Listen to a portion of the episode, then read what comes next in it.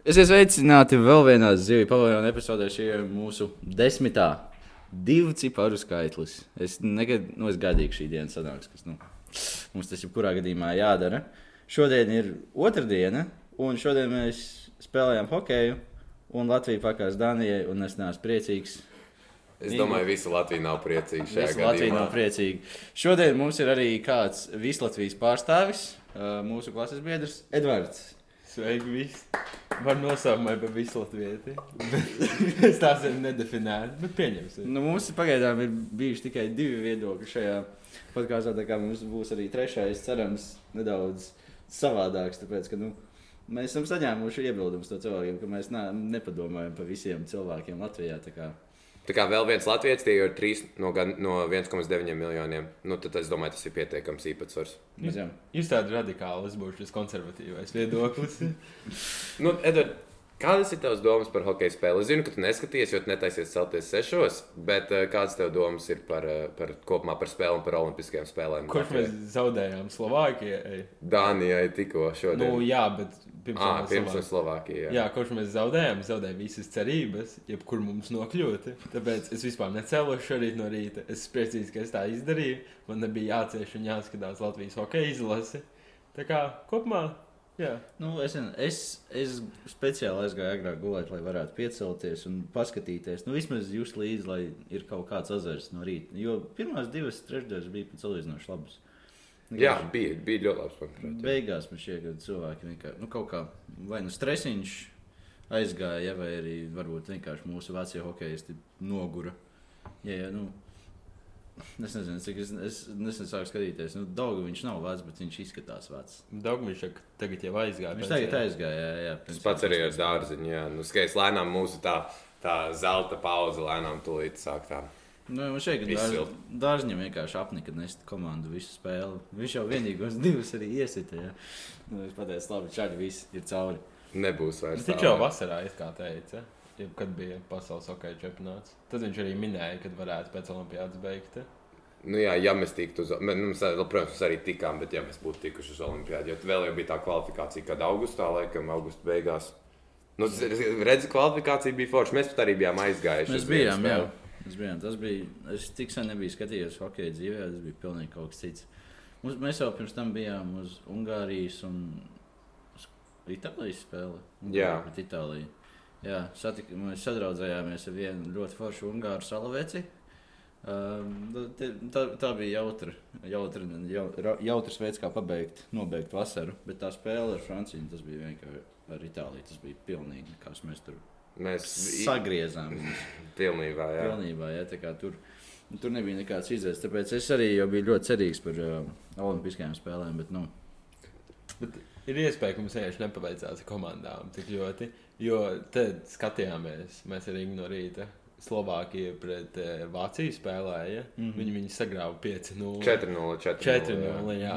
Tā kā jā, bet nu, šeit tur arī tā kā vispār. Nu, Psiholoģiski faktori ir ļoti lieli. Mēs jau par to esam runājuši. Ja, ka, nu, ja tu ej kā Vācija iekšā un cīnies par kaut kaut kādiem Slovākiem, ja, tad varbūt tā nedaudz Saceries, vai saceries, jā, vai tā Bet- bija kaut kas prātīgi. Parasti nedzird neko baigi par Slovākiem. Pa Čehiju dzird, dzird biežāk. Jā. Varbūt viņi kā Kazahstānas apgādājot NHL spēlētājus. Nu, jā. Jā.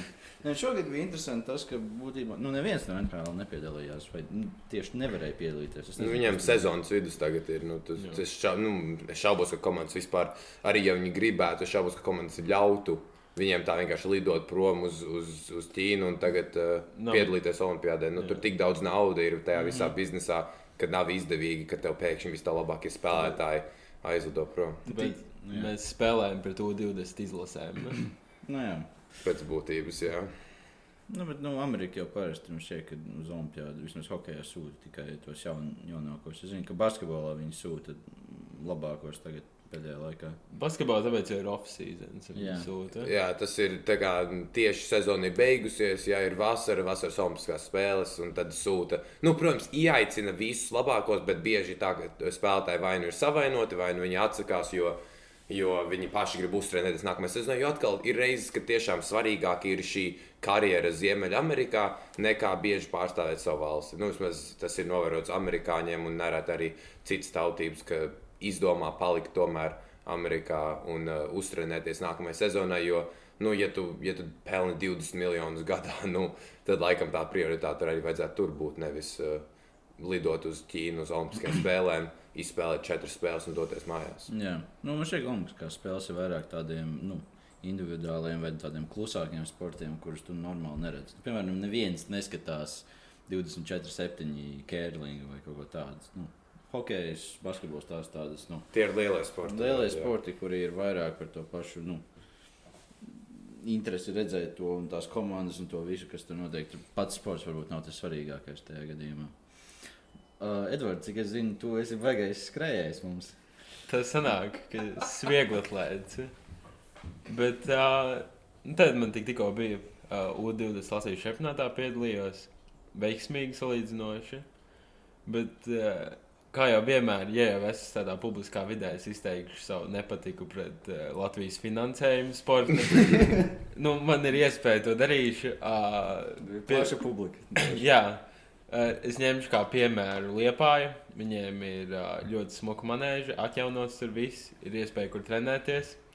Un Liepājā salīdzinoši ir, eh, ja nemaldos, cik 70 tūkstoši iedzīvotāji. Jā. Jā, pa to laiku Rīgā, kur ir tuvu 600 tūkstošiem, mums ir viena Maskavas manēža.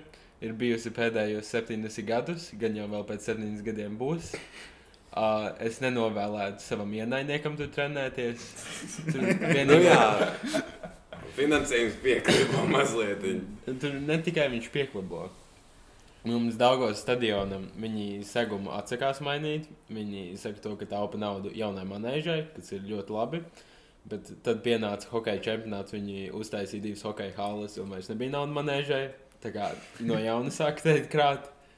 Un, eh, jā, eh, tas ir redzams, ir īpaši Valmjerā. Tad uzbūvējuši jaunu manēžu. Tur uh, visi latviešu sportisti brauc trenēties. Vai viņi dara kā Laura Kauniece, kas vienkārši Tallinā. Jā. Nu, bet nu, viņi to var atļauties. Viņi ir tiešām profesionāli. Nu, viņa to vienīgais veids, kā viņi to atļaujas, ir, eh, cik es saprotu, ne no Lova, kas ir Latvijas Olimpiskā vienība, atbalsta, bet no paša sava, kas ir eh, viņas viss. Tā kā ko- privātie kaut kādi darījumi. Privāti, Jā. jā. Mm. Jo realitātē Lovas vienīgo eh, atmaksā ir varbūt fizioterapeitu, ja tu mirsti nost. Bet, nu, Tā savādāk īsti nē. Un viņi tev iedod kaut kādus 10 eiro priekš nometnes, lai tu nezinu, aizbraukt uz vietējo ciemu paskriet. Jā. Bet, nu, kā, cik svarīgi vispār ir tāda manēža? Cik ļoti tas maina tavu to pieeju tam? Jo savā ziņā tu jau varētu skriet vienkārši mežā. Ne? Nu, es uh, došu piemēru, kas ir uh, Islande un futbols. Uh, Islanda nekad nav zināma ar uh, savu izcelsmi futbolā, bet pēdējā laikā, pēdējie 20 gadi, viņi ļoti progresējuši. Tas pateicoties tam, ka viņi atvēruši vairākas uh, iekštelpu, kas tā skaits futbola halles, ja tā Mhm. pareizi nosaukt. Un tad viņi tiešām progresē, viņiem ir jaunie talanti. Tā kā finansējums tiešām dara savu, un uh, Latvija ir izlēmusi viņu vērst priekš futbola, kas, nu, labi, kaut vai. Bet, Teiksim tā, ir stulbības. Bet uh, es šaubos, vai RFSam vajag divus laukumus, vai pat trīs, cik viņiem tagad sanāk, kur trenēties. Un it īpaši tad, ja viņiem ir divi reāli treneri, kas trenē, viens sieviešu, viens sievietes, otrs vīriešus, nu, neredz baigo jēgu. Bet, nu, tā ir viņa izvēle. Nē, bet nu, vajag kaut kādu, uz kaut kādu sporta fokusēties. Jau nevar jau vienkārši mēģināt tā visus ļoti balansēti atmaksāt. Jo tad, nu, vāksimies kaut kādas mm, 15 vietas tajos visos pašos čempionātos, bet vajag fokusēties, manuprāt, tieši uz kaut kādu vienu sportu. Bet tur ir tāda, nu, tur atkal tas dīvaini, kāpēc Latvija fokusētos uz futbolu, jo mums ir nu, tik labi, ka mēs tikko Olimpiskajās spēlēs spēlējām hokeju, Jā. jā. un ka mūsu basketbols arī ir salī, nu, salīdzinoši ar futbolu augstākā līmenī. Un tur atkal ir tas jautājums, tad kādēļ futbols tiek, tā kā, kāpēc to koncentrējās un kā mēs tagad bez finansējuma, nu, ne bez finansējuma, bet ar minimālāku finansējumu esam tagad guvuši panākumus hokeja un basketbolā, un kā tas ir īsti noticis. Ja, nu, varbūt jāskatās varbūt uz to ekonomisko faktoru tādā ziņā, ka nu, cik daudz tu vari nopelnīt no futbola. Nu, šeit tas ir daudz lielāks tirgus un vispār nu, sports. Pasaulē, jā. atbalsta, jā, kopumā. Un Tāpēc arī kaut vai, kaut vai ne kaut kāda laba Latvijas komanda, bet vismaz kaut kāda latviešu sportista, kuru vārdi ir pazīstami visā pasaulē, būtu nu, ļoti noderīgi. Ne, nu, Es to pašu piemēru Ikaunieci. Viņa palakompliskajās spēlēs 16. gadā 4. man liekas. Un 12. gadā viņa arī diezgan augsts rezultāts, un pasaules čempionātā viņa otrā palika. Un ar visu to vienīgo, ko viņa dabūja, ir uh, iespēja trenēties Igaunijā, kas, nu, baigi naudā. Nu, jā, bet nu, tur ir tā problēma, manuprāt, vispār Olimpiskajām spēlēm. Ka, nu, tas, kaut, tas iedod kaut kādu slavu, bet nu, to nevar sagaidīt, ka Olimpiskās spēles tev kā sportistam tagad iedos baigi daudz arī naudas. Tas, nu, Nē, šis bija vairāk tam argumentam, ka cenšas uzbūvēt tos sportistus, ka nav pats tās vietas, bet mums jau ir tās pirmās vietas, bet viņiem vienkārši nav kur trenēties. nu, arī, jā.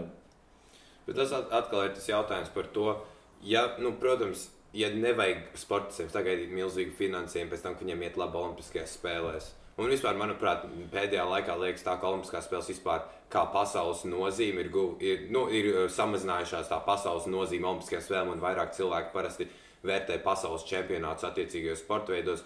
Tad vai jums šķistu, ka Olimpiskās spēles kā mirs nost? lēnā garā, jo kaut kā liekas, ar, ar katru gadu ar vien mazāk un mazāk es dzirdu par to, par Olimpiskajām spēlēm vai par to, kā kādam iet, un vairāk dzirdu par pasaules čempionātu hokeja, pasaules čempionātu futbolā, pasaules čempionātu basketbolā, un neko nedzirdu par Olimpiskajām spēlēm. Tas ir kā kurā valstī. Es teiktu, Latvijā hokeja čempionāts ir tāda ļoti svarīga lieta. Bet, ja pieņemsim, es dzīvoju kaut kur Meksikā, es šaubos, vai pagājušajā gadā es to koncentrējos, vai uz pasaules čempionātu basketbolā.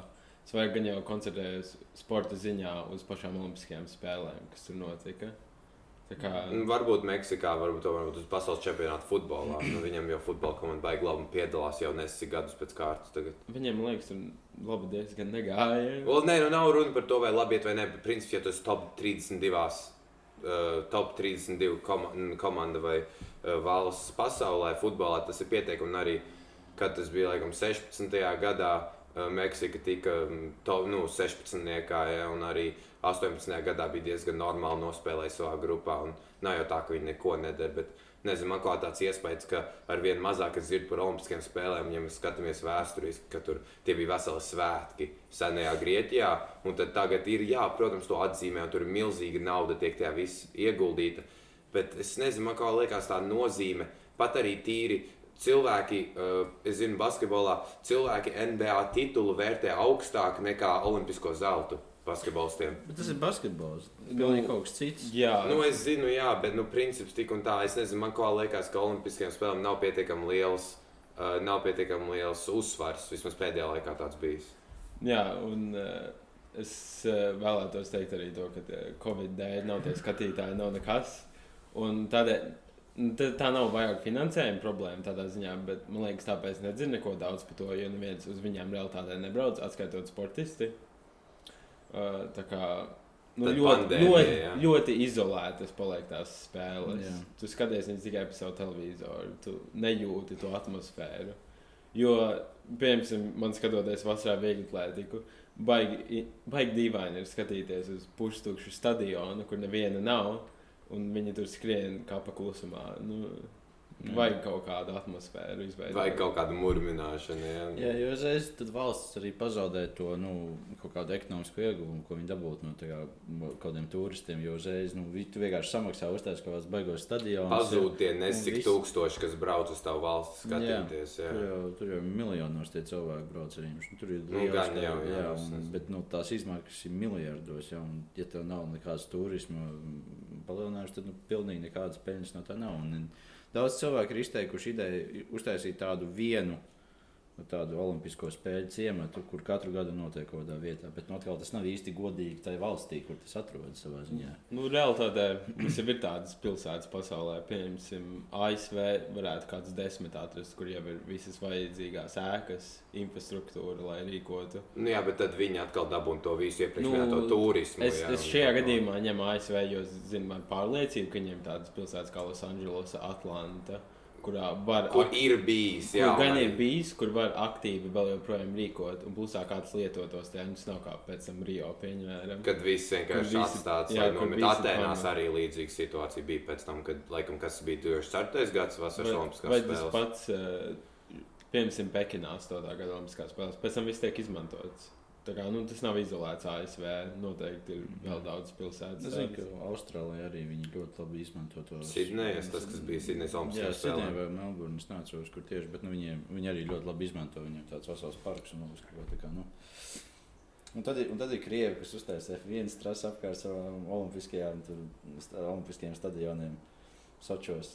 Ā, viņiem tur viņi, ir viņi jau domā uz priekšu. Jā, Bet viņiem- viņi vismaz atjaunotos, jo cik es pēdējo reizi redzēju, diezgan bēdīgi izskatījās. Es, ne, es nezinu, kā viņi izstāsta, bet nu, F1 tur ik pa brīdim aizbrauc jau un atgādina to, ka nu, zities stadionā. Ja var brauciet pie mums uz Sočiem. Varat skatīties vecās bobsleja trases, un, un hokeja halas un tā tālāk. Tad- Tagad šogad notiek tas Katārā futbola eh, čempionāts. kā- Jā, šogad Katārā Bet ziemā. ziemā būs. viņš notiek. Un Tāpēc, ka dum, ja viņi vasarā, tad arī viņi pārkarsta visi tie Bet tur spēlētāji. neviens negrib, lai notiek Katārā. Man liekas, paši katārieši negrib tur, lai notiek. Tāpēc, ka Kas viņi, viņi, Katārā? tāpēc, ka Katāra būtībā. Uh, pirmkārt, tas būs neierasts, tas ziemā noteikti. Nu, tas tā nekad nav bijis. Tas būs pirmo reizi. Nu, laikam, sāk vispār rudenī ziemā. būs rasti vai kaut kas Nē, nē, nav runa. Jā, viņi visi guļ, un mēs tagad pamodinājām viņus. Bet nē, tur principā Katarā tāds, tā, kad viņiem izlozēja nu, to, ka viņi var, eh, var nu, rīkot pasaules čempionātu futbolā, viņiem nebija neviens stadions, vai arī bija tikai viens no kaut kādiem četriem nepieciešamajiem, lai varētu vispār uzturēt. Viņi solījās, ka būvēs, un būtībā tur arī tā problēma tāda, ka daudziem eh, cilvēkiem nepatīk tas, ka katrā tur eh, it kā izmanto, izmanto par brīvu cilvēku darba spēku un liek cilvēkiem strādāt, lai būvētu visu šo, un tur ir baigi humanitāras, tādi, humanitāri tādi pārkāpumi. Un tas, ko es visiem besīju, tas, ka Katārā notiek arī ar to, ka tur ir uh, apstiprināts, jā, tur cilvēkiem nemaksā, vai arī maksā tik maz, ka viņi paši nevar izdzīvot nu, ar savu iztiku un tā tālāk. Tas Un ir- tas, ko cilvēkiem besīja, tas, ka grib futbolu. nu. Nē, nē, tas ir tāds, vairāk, ā, ja es pareizi atceros, kad izlozēja, tad ā, tie, kas balsoja, kur notiek, viņi bija tajā laikā, man liekas, bija pieci cilvēki. Un Jā. tad vēl nebija pret to korupciju ieviestās metodes, jo tad, man liekas, cik pareizi atceros, simts cilvēku, kuri balso, ka nevar vairs dot tā smuki kukuļus, lai. Tāpēc viņi Katāra to dabūja tīri uz to, ka viņi iztērēja naudu, lai tur rīkotu. Paši tie organizatori neticēja tam, viņi vienkārši atvēlēja naudu. Un, jā, Bet nu redzēsim, kā būs. Varbūt tur būs baigi forši. Es esmu tie stadioni jauni tur pilnībā. 19. gadā notika vieglatlētā pasaules čempionāts. Un viņš arī notika, ja nemaldos, oktobrī, kas ir neparasts. Parasti viņš notiek e, augustā kaut kādā. Un pat tad arī sportisti sūdzējās, daudz bija satraumējušies tikai tāpēc, jo, ja tu paildzini sezonu tik ļoti, divi mēneši, tev ķermenis nav domāts izturēt tik ilgi spriedzi, viņam vajag atpūtu. Ah, ka vienkārši kā turpina trenēties, turpina gatavoties. Nav īsti nekad tās Jā, pauzes. Klusā par, nav baigi ieplānotas citas sacensības starpā. Tu trenējies faktiski pusotru mēnesi, neko citu nedarot. Nav ne īsti tā motivācija, ja tā to varētu nosaukt. Ne arī tāds ļoti, kā lai to labāk, kā tāds galīgais mērķis tev ir, bet viņš ir ļoti tālu, un kamēr tu līdz viņam nokļūsi, tu pats nezini, kur tu būsi. Jā, man liekas, ka līdzīga problēma varētu būt arī ar to pasaules kausu katrā futbolā. Jo tas ir futbola sezonas, nu, varam ne vidū, bet kā plus mīnus sākuma galā. Un labi, tu vari atcelt spēles uz, nu, cik tur viņš ilgi ies, kādas trīs nedēļas. Labi, tu vari atcelt. Bet nu atkal tas pamatīgi iegāž visām līgām Eiropā un vispār, vispār visām futbola līgām pasaulē. Iegāž vienkārši, un tur naud, naudas plūsma vienkārši apstājās, lai visi varētu aizdot uz Kataru un spēlēt. Jā, tā kā Līdzīgi bija arī tagad, janvārī, kad bija Āfrikas kā, čempionāts futbolā. Kad tev vienkārši spēlētāji burtiski no komandas aizgāja uz to mēnesi. Nu, labi, nu, protams, tie, kas tik visālāk bija mēnesi. Bet aizbrauc uz to mēnesi prom un sastāvā vienkārši trūka spēlētāji. Un tad tev vajadzēja ņemt klāt citus. Un viņiem, pieņems, daudziem pat arī Liverpoolā, ja, kur, kur abi, divi, abi divi labākie uzbrucēji spēlēja pret viens otru tajā finālā. Nu, viņi mēnesi tā komanda bija bez tiem saviem diviem labākajiem uzbrucējiem. Ja. Viņi vienkārši aizgāja prom. Tagad, ja tev visa komanda pēc būtības, nu, pusi komanda aizies, tad es šaubos, ka turpinās sezonu un apstādinās.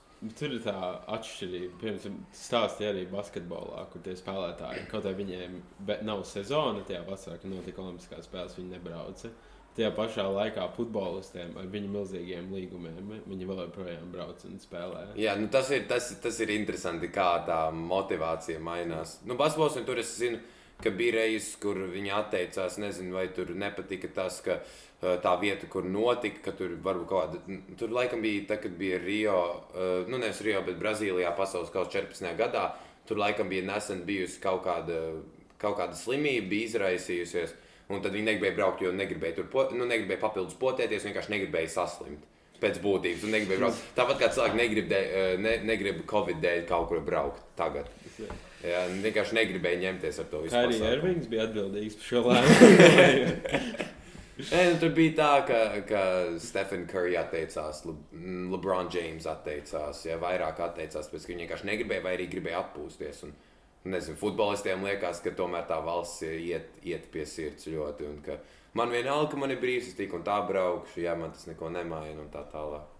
Jā, bet nu, uzreiz mēs jau atgriežamies pie tā paša jautājuma, cik svarīgi ir arī tie paši čem- čempionāti un olimpiskās spēles. Jā, ja daudzos sportos, nu, būtībā visos ir kaut kādas sezonas, kuros tas viss notiek. un Tāpēc kā ir dīvaini, ka arī organizatori nepadomā par tām sezonām. bet Tas ir kaut kā.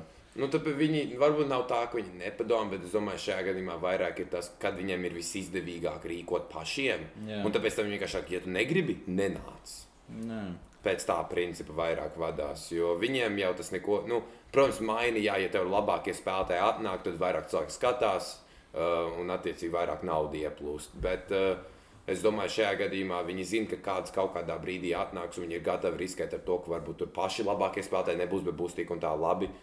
Uh, augsta līmeņa spēlētāji, kurus cilvēki gribēs skatīties. Nu, jā, bija, tas bija bēdīgi ar to pasaules čempionātu hokeja Rīgā. Jo arī nu, būtībā neviens nebija tikai pašā beigās. Viņi spēlēja ielaist kaut kādus cilvēkus ar, beigām dārgajām biļetēm. Jā, tas bija tā bija bēdīgi, ka viņi uztaisīja tur baigo stadionu blakus. Nu, es nezinu, vai tas bija stadions, kaut kāda treniņa hala blakus. Dāngos stadionam blakus tā ir treniņa hala. jā, jā, jā, un tur viņi tur visus vizināja pa pilsētu ar autobusiem, vēl visu kaut ko. Jā. viss bija baigi forši. Jā, bet nu, neviens neskatīja, nu, nevien, nu, nebija neviens dzīvē, kas skatās, un mēs būtībā pazaudējām naudu. uz to, un Tāpēc ir tā grūti saprast, kāpēc arī tagad ir kaut kādas pilsētas tik ļoti agresīvi grib taisīt tās visas pasākumus, ja viņi zina, ka viņi nu, neko no tā neiegūs. Mēs pamatīgi pazaudējām. Jā, oriģināli bija doma, ka mums būtu dalīta ar Baltkrieviju, kad viena daļa no hokeja halēm būs. Mums bija jāuzbūvē vēl tāpēc. Pēdējā brīdī kaut ko sačapot kopā. Jā, jo oriģināli, cik sapratu, tā treniņa hala, ko uzcēla, tas tīri priekš tam uzcēla. Jo oriģināli treniņa hala bija domāta, tas, kas atrodas, kur otrās spēles notika. Viens bija ā, Spēles jā, notika olim, Olimpiskajā. Jā. Olimpiskajā. Jā. jā, tur bija oriģināli domāta treniņa hala, cik sapratu. Nē. Bet, nu, es domāju, ka pašu čempionātu mēs salīdzinoši labi norganizējām. Nē, nor, manuprāt, bija ļoti labi norganizēts. Jo problēma bieži nav ar to organizēšanu. Problēma ir jā, ar to, nu, šajā gadījumā ir īpaši ar Covid apstākļiem. Bet nu, kopumā tev ir tik, uz tik daudz lietām jāatcaucas, tik daudz lietas jāizplāno.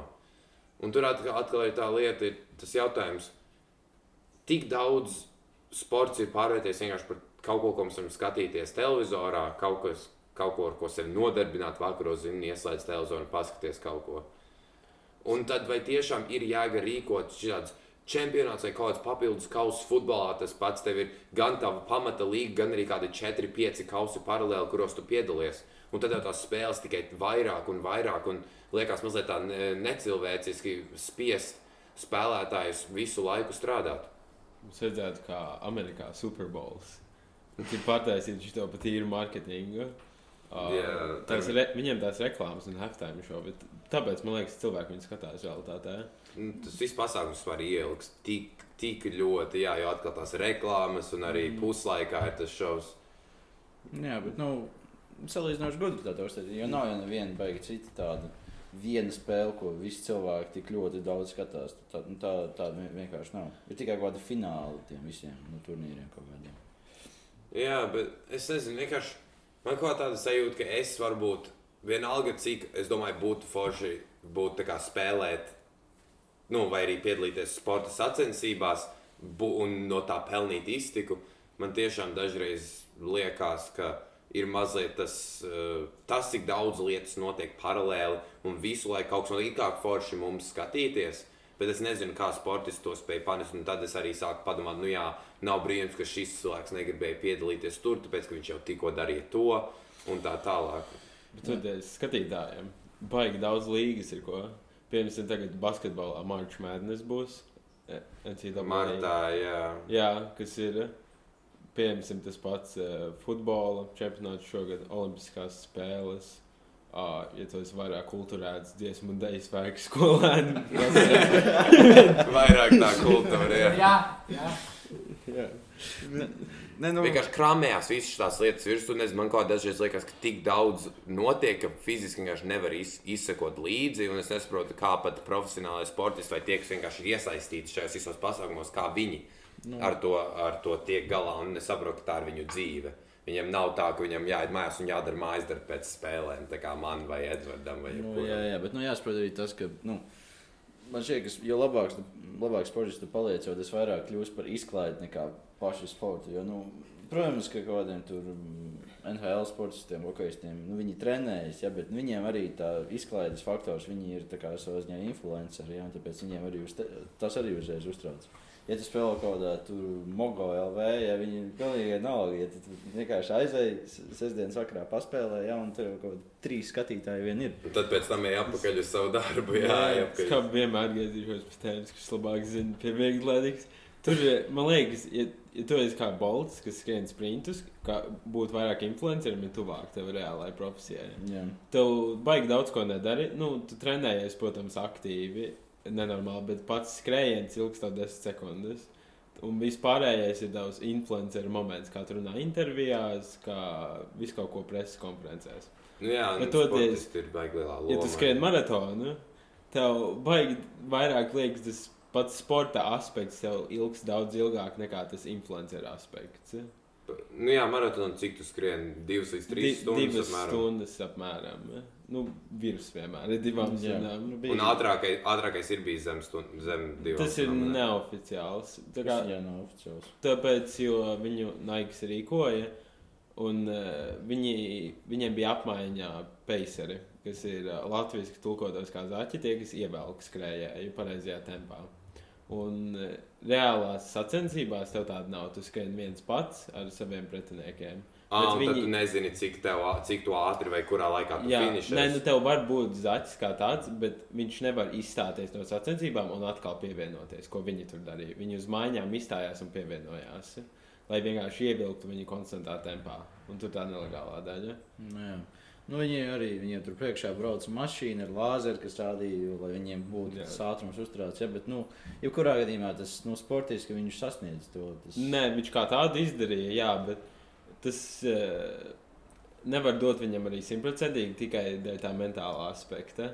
Jo pats no pieredzes zina to, ka uh, vienam pašam skriet daudz grūtāk, nevis tā, ka tev kāds pa priekšu vada, vai mašīna, vai cilvēks. Kompānija, zini, sastāvdaļa. Nu, jā, tu Bet, nu, saki, tu. Nē, bet ne, vienkārši, ko tu pieminēji, jo jebkurā gadījumā es, es nevaru īstenībā iedomāties nevienu mara, maratonistu, ko es paz- pazītu. Jo Usaina Bolta visi kaut kā zina. Bet, nu, Tie- nu, to es es, tu, protams, zināsi, ja, bet Inga, vai tu vari nosaukt kādu populāru cilvēku, kas skrien maratonus? Nē, Tieši tā. nē, nē, es nevaru. Kenijieši daudz. Nu, ke, jā, kenijieši, jā, viņi visi sauc kenijieši. Nē, viņi- Kipčogē, tas bija Nu, tas, par ko mēs te runājām. Nu, jā, tas ir tas zināmākais. Bet uh, viņš, ir, viņš ir pats savā līmenī, tā tās viņa vērts nosaukt. Jo, uh, kā lai to labāk, viņam ir gan oficiālais pasaules rekords, kas ir 201, un plusā viņam ir tas neoficiālais. Bet par neoficiāls viņiem bija cik tā kā 1,57 vai kaut kas tamlīdzīgs. 1,59 čest, cik tur man liekas. Ā, tā kā knapi, knapi. jā. Nu, tas liek, viņam pirmajā mēģinājumā, kurš bija neveiksmīgs, viņam bija, tas arī bija neoficiāls, bija divas stundas un kaut kādas 24 sekundes. Un kas faktiski sanāk, viņam būtu jāskrien katru kilometru pa pussekundu ātrāk tikai. Kas baigi mazliekas, Jā. bet kopā Jā. saskaitot, bija kā bija viņam neveiksmīgi. Jā, nu, bet tāpēc jau arī vajag to visu, ko, ko Edvards nosauca, ja, lai to uzturētu. Ja, nu, savādāk, nu, tas ir būtībā neiespējami. Ja, nu, nu, nav, nu, ko, ko tālāk viņi pārspēs? Nu, nav vairs tādu smuku skaitļu. Ko Mm. Ir eh, kaut kādā distancē, 800 ir mistiskais uh, minūte 40, kur zem kur it kā var vēl noskriet, bet, ja kāds noskries, būs šokā. Uh, 400 metros tas ir 43 sekundes, kas ir ļoti reāli, jo tā, tā rekords ir 43,02. Jā. uh, 200 metros zem 19, ja kāds noskries, tad es būšu šokā. Nu, laikam, baigi daudz šokā būs. jā. Nē, nu, realitātē ir, uh, man liekas, divi cilvēki, kas skrējuši zem 19,4 vai 3. Nu, un, uh, Bet tad šīs robežas būtībā tiek uzvilktas, skatoties uz to, kāds ir tagadējais rekords, un vienkārši nopaļojot uz leju. uh, lielākoties, jā, tu vari, piemēram, ir tas uh, jūdzējs zem 4 minūtēm, kas agrāk bija ļoti populārs. Tagad arī. Jā. Ja tu noskrēji zem, tad tas pirmais noskrēja viņa. Viņa no Anglijas, viņa pat karaliene naitoja. Viņš šeit ir seris. Kaut kas, kaut kas, jā. Tā kā, tad bija baigais entuziasms par to visu, bet tad kaut kā viss liekas tāds padarīts, vairs nav tie mērķi īsti. Nu, Jā, bet jums neliekas, ka varbūt. Uh, Vismaz manā, nu, nezinu, manam, man norādās saistībā ar basketbolu. Jums nešķiet, ka cilvēki paliek fiziski attīstītāki ar katru paudzi. Jo tad tas, tad tas rekords vienkārši vienā brīdī visu laiku kustēties uz priekšu. Uh, Objektīvi bija savādāk. Cilvēks, viņi vienkārši izceļas, eh, kuriem labāk padodas. Eh, Pieņemsim, uh, ir iemesls, kāpēc laikā sprinterieši ir melnādaini no Jamaikas. Tas tīri tāpēc, ka viņiem bija savādāk ķermeņa uzbūve. Bet pasties pirms 50 gadiem viņi skrēja sekundi lēnāk 100 metrus. Un tu, tas nav tāpēc, jo cilvēki vienkārši nemācīja skriet. Tas bija vairāk tāpēc, jo Te, agrāk viņi skrēja vienkārši uz uh, zāģu skaidām. Nebija tāds ceļš, viņi zāģu skaidām, un tas ļoti efektīvi viņiem likās. Bet, nu, Nā, tad teiktu, tehnoloģiskās attīstības. Ja? nu, es, es tev varētu iedot, pamēģināt, paskriet. 400 metrus uz zāģu skaidām. Ļoti ātri tev viss kājas sadzinās. Tu gribi nomirt vairāk nekā finišēt. Un, Man tā bija skrienot uz gumijas celiņa. Ja? Tas Un nav. tur gumijas celiņam uh, viņš tīri tevi atmet atpakaļ. Ja? Tev kājas pašas sitas atpakaļ augšā. Ja tu pareizi skrieni. Nu, jā, bet es šaubos, ka es pareizi skrienu. Es jau nezinu. Man, man vajag tik, cik lai aizliktos no viena laukuma gala uz otru laukuma galu, un ar to arī pietiek. Bet, jā. Jo bija TED talks par to, ka uh, atlīts nepaliek labāki, kad tehnoloģijas vienkārši attīstas. Nu, jā, jo, ja padomā, nu, piemēram, kurpes, nu, tad ir būtībā tavas kājas pagarinājums. Jā, un tāpēc, nu, tā ir Jo labāk kurpi, jo labāk tu skrieni. Nu, jā, nu, bet, nu, jo labāk kaula, jo ātrāk skrējiņa, kurā gadījumā. Tā, nu, tas ir būtībā tas pats. Nu, jā, princips paliek. Jā. Nu, jā. Nē, nu, arī kaut kā tur, nu, ēdienas un uzturs un tādas lietas un vispār, nu, tā zinātne par Tā zinātne attīstās, attīstās, jā. jā. Nu, kaut, kaut kāda ideja, es tā visu jau Bet jūs zināt, stāsts par 8. gada Olimpisko maratonu. Vai jūs nezināt Mēs tādu? Nu, Tur uh, viņi rīkoja vienā laikā ar World's Fair. Amerikā ir tāda lieta. Vai bija? Nu, vismaz agrāk bija. kas, Kas tas, tas ir Čikāgā? ir? Tā, uz to, kā aizbrauc Tenisona, Dubajā. Tie tur izstādes. Ah, jā, jā, jā. Jā. Un, jā. nu, Expo. Mhm. Uh, viņi parāda jaunākās tehnoloģijas, kāda nākotnē būs nu, visu to. Un vienlaicīgi rīkoja Olimpiskajām spēlēm, tāpēc aizmet Olimpiskās spēles no Čikāgas uz kaut kādu St. Louis pilsētu. Nu, mazu pilsētu, un viņi tur rīkoja. Un tajā laikā baigi daudz cilvēku arī, nu, nezināja par Olimpiskajām spēlēm, tur piedalījās faktiski no Eiropas, Ziemeļamerikas. Un tur tie sportisti, kas atbrauca uz maratonu, bija tādi interesanti šādi. Un rīkotāji bija vēl interesantāki. Galvenais rīkotājs izlēma to, ka šis būtu ļoti labs eksperiments viņam universitātē. Tāpēc viņš izlēma uzlikt tikai vienu ūdens punktu pa visiem 42 km. Un viņš viņiem ļāva skriet uh, dienas vidū, kad saule ir visaugstāk, lai redzētu, ko dehidrācija dara ar cilvēku ķermeni. Un Tas nevi- šis bija Olimpiskajās Jā, spēlēs. šis bija Olimpiskajās Olimpiskajās jā, spēlēs. Olimpiskajās spēlēs. Viņš izlēma to darīt. Baigi neviens neiebilda, nu, ko viņš galvenais organizators, lai dara kā vēlas. Okay. Un tālāk tie, kas paši atlēti, ir vēl interesantāki cilvēki. Viņi viens atbrauc no Kubas. Viņš eh, naudu sakrāja, lai nokļūtu Olimpiskajām spēlēm, apskaidrot visu kubu, cik es sapratu, no vienas gala līdz otram. Tā ir kaut kāda tūkstoša kilometru. Tad Viņš nokļuva Amerikā. Viņš, kamēr brauca, aizgāja uz kazino un zaudēja visu savu naudu. viņš, tad, kad beidzot nokļuva tur, viņš, cik es sapratu, skrēja ar garām kaut kāda teflāna biksēm, kaut kādu garo kreklu, nu, nekāds apģērbs, un viņam viens sportists iedeva šķērs, lai viņš vismaz var apgriezt līdz šortiem, lai viņi kļūst. Un uh, skrējienu laikā viņš bija Zolīda pirmais. Līdz viņš pēkšņi palika uh, izsalcis, nu, kā arī paskrējis cilvēks, viņš ieraudzīja uh, abeli, apēda dažus sābolus, viņam palika slikti, tāpēc viņš aizgāja pagulēt pusstundu. Un ar visu to viņš beigās nofinišēja kā trešais. Kurā gadā tas bija? Astotajā gadā. Un šīs ir Olimpiskās Jā, spēles. vēl bija. Un tu joprojām runa par Olimpiskajām spēlēm. Vēl joprojām vēl atlēti. Viens no viņiem, oriģinālais pirmās vietas finišētājs, viņu diskvalificēja. Vai tev tā kāpēc diskvalificēja? Izrādās, viņš noskrēja pirmo pusi, viņam palika slikti. Nu, kā jau cilvēku ūdens punktu faktiski tur nav. Tāpēc viņš paņēma taksi un izdomāja aizbraukt līdz beigām. Beidzot, pagāja, cik es sapratu, viņam jau faktiski deva medaļu. Tā kā kāds atklāja to, ka ev, mēs viņu neesam redzējuši visu otro pusi. Vai vispār kā viņš īsti finišēja? un tad viņš atzinās, un viņš teica, ka tas bija pārpratums. ka Realitātē viņš vienkārši pajokoja. Uh, un reāli, reāli pirmā vieta. Uh, viņš, viņi tajā laikā uz viņu arī eksperimentēja. Viņiem nav kā mūsdien, mūsdienās maratonam ļoti stingri noteikumi. Nevar tam viens braukt pa priekšu. Neko īsti tajā laikā visiem bija vienalga. Tā, viņam pa priekšu brauca mašīnā e, viņa treneris, un viņš skrēja, viņam treneris neļāva apstāties tajā ūdens punktā. Un, kad viņš gribēja padzerties, viņš viņam deva viskiju ar uh, žurku indi samiksētu. Un tā, beig, tas beidzās ar to, kad uh, viņš pēdējā kilometrā izskatījās gandrīz nomiris. Viņš bija balss, viņam asins spiediens beigās, cik es izmērīju, bija nokrities smagi. Cukuru līmenis viņam arī nekāds nebija. Viņš uh, apkrita 20 metrus pirms finiša. Viņu treneris piecēla kājās, aiznesa pārgūt pāri finišam, un tā finišēja pirmā vieta. Izklausās, ka tu visu šo izdomājies. Bet, bet tā ir realitāte. Lūdzu, iegūliet to nestāstu un vienam šo tālāk, jo es neesmu pārliecināts, cik, tas ir, cik, cik tā ir. Cik es saprotu, puse nefinišēja. Tā kā, nu, zulīti Somijas spēles. Pagaid, bet tur nebija kaut kāds skatītāji, kas visu to redzēja, vai, Nu, vai visi bija- bija tajā? Tur bija vietējie kaut kādi, bet, nu, agrāk Olimpiskās spēles nav kā mums Olimpiskās spēles. Tas bija vairāk tāds draugu sajēdzis sportists. Tā to varētu Sportistas sajūtas. Nu, jā, un tur atkal tas jautājums par to, vai tiešām Olimpiskās spēles tiks arī stoši tādas te lietas notiekās. Es nezinu, tas bija astotais vai es, es atceros, tas bija kaut kāds nulle, kurš gads.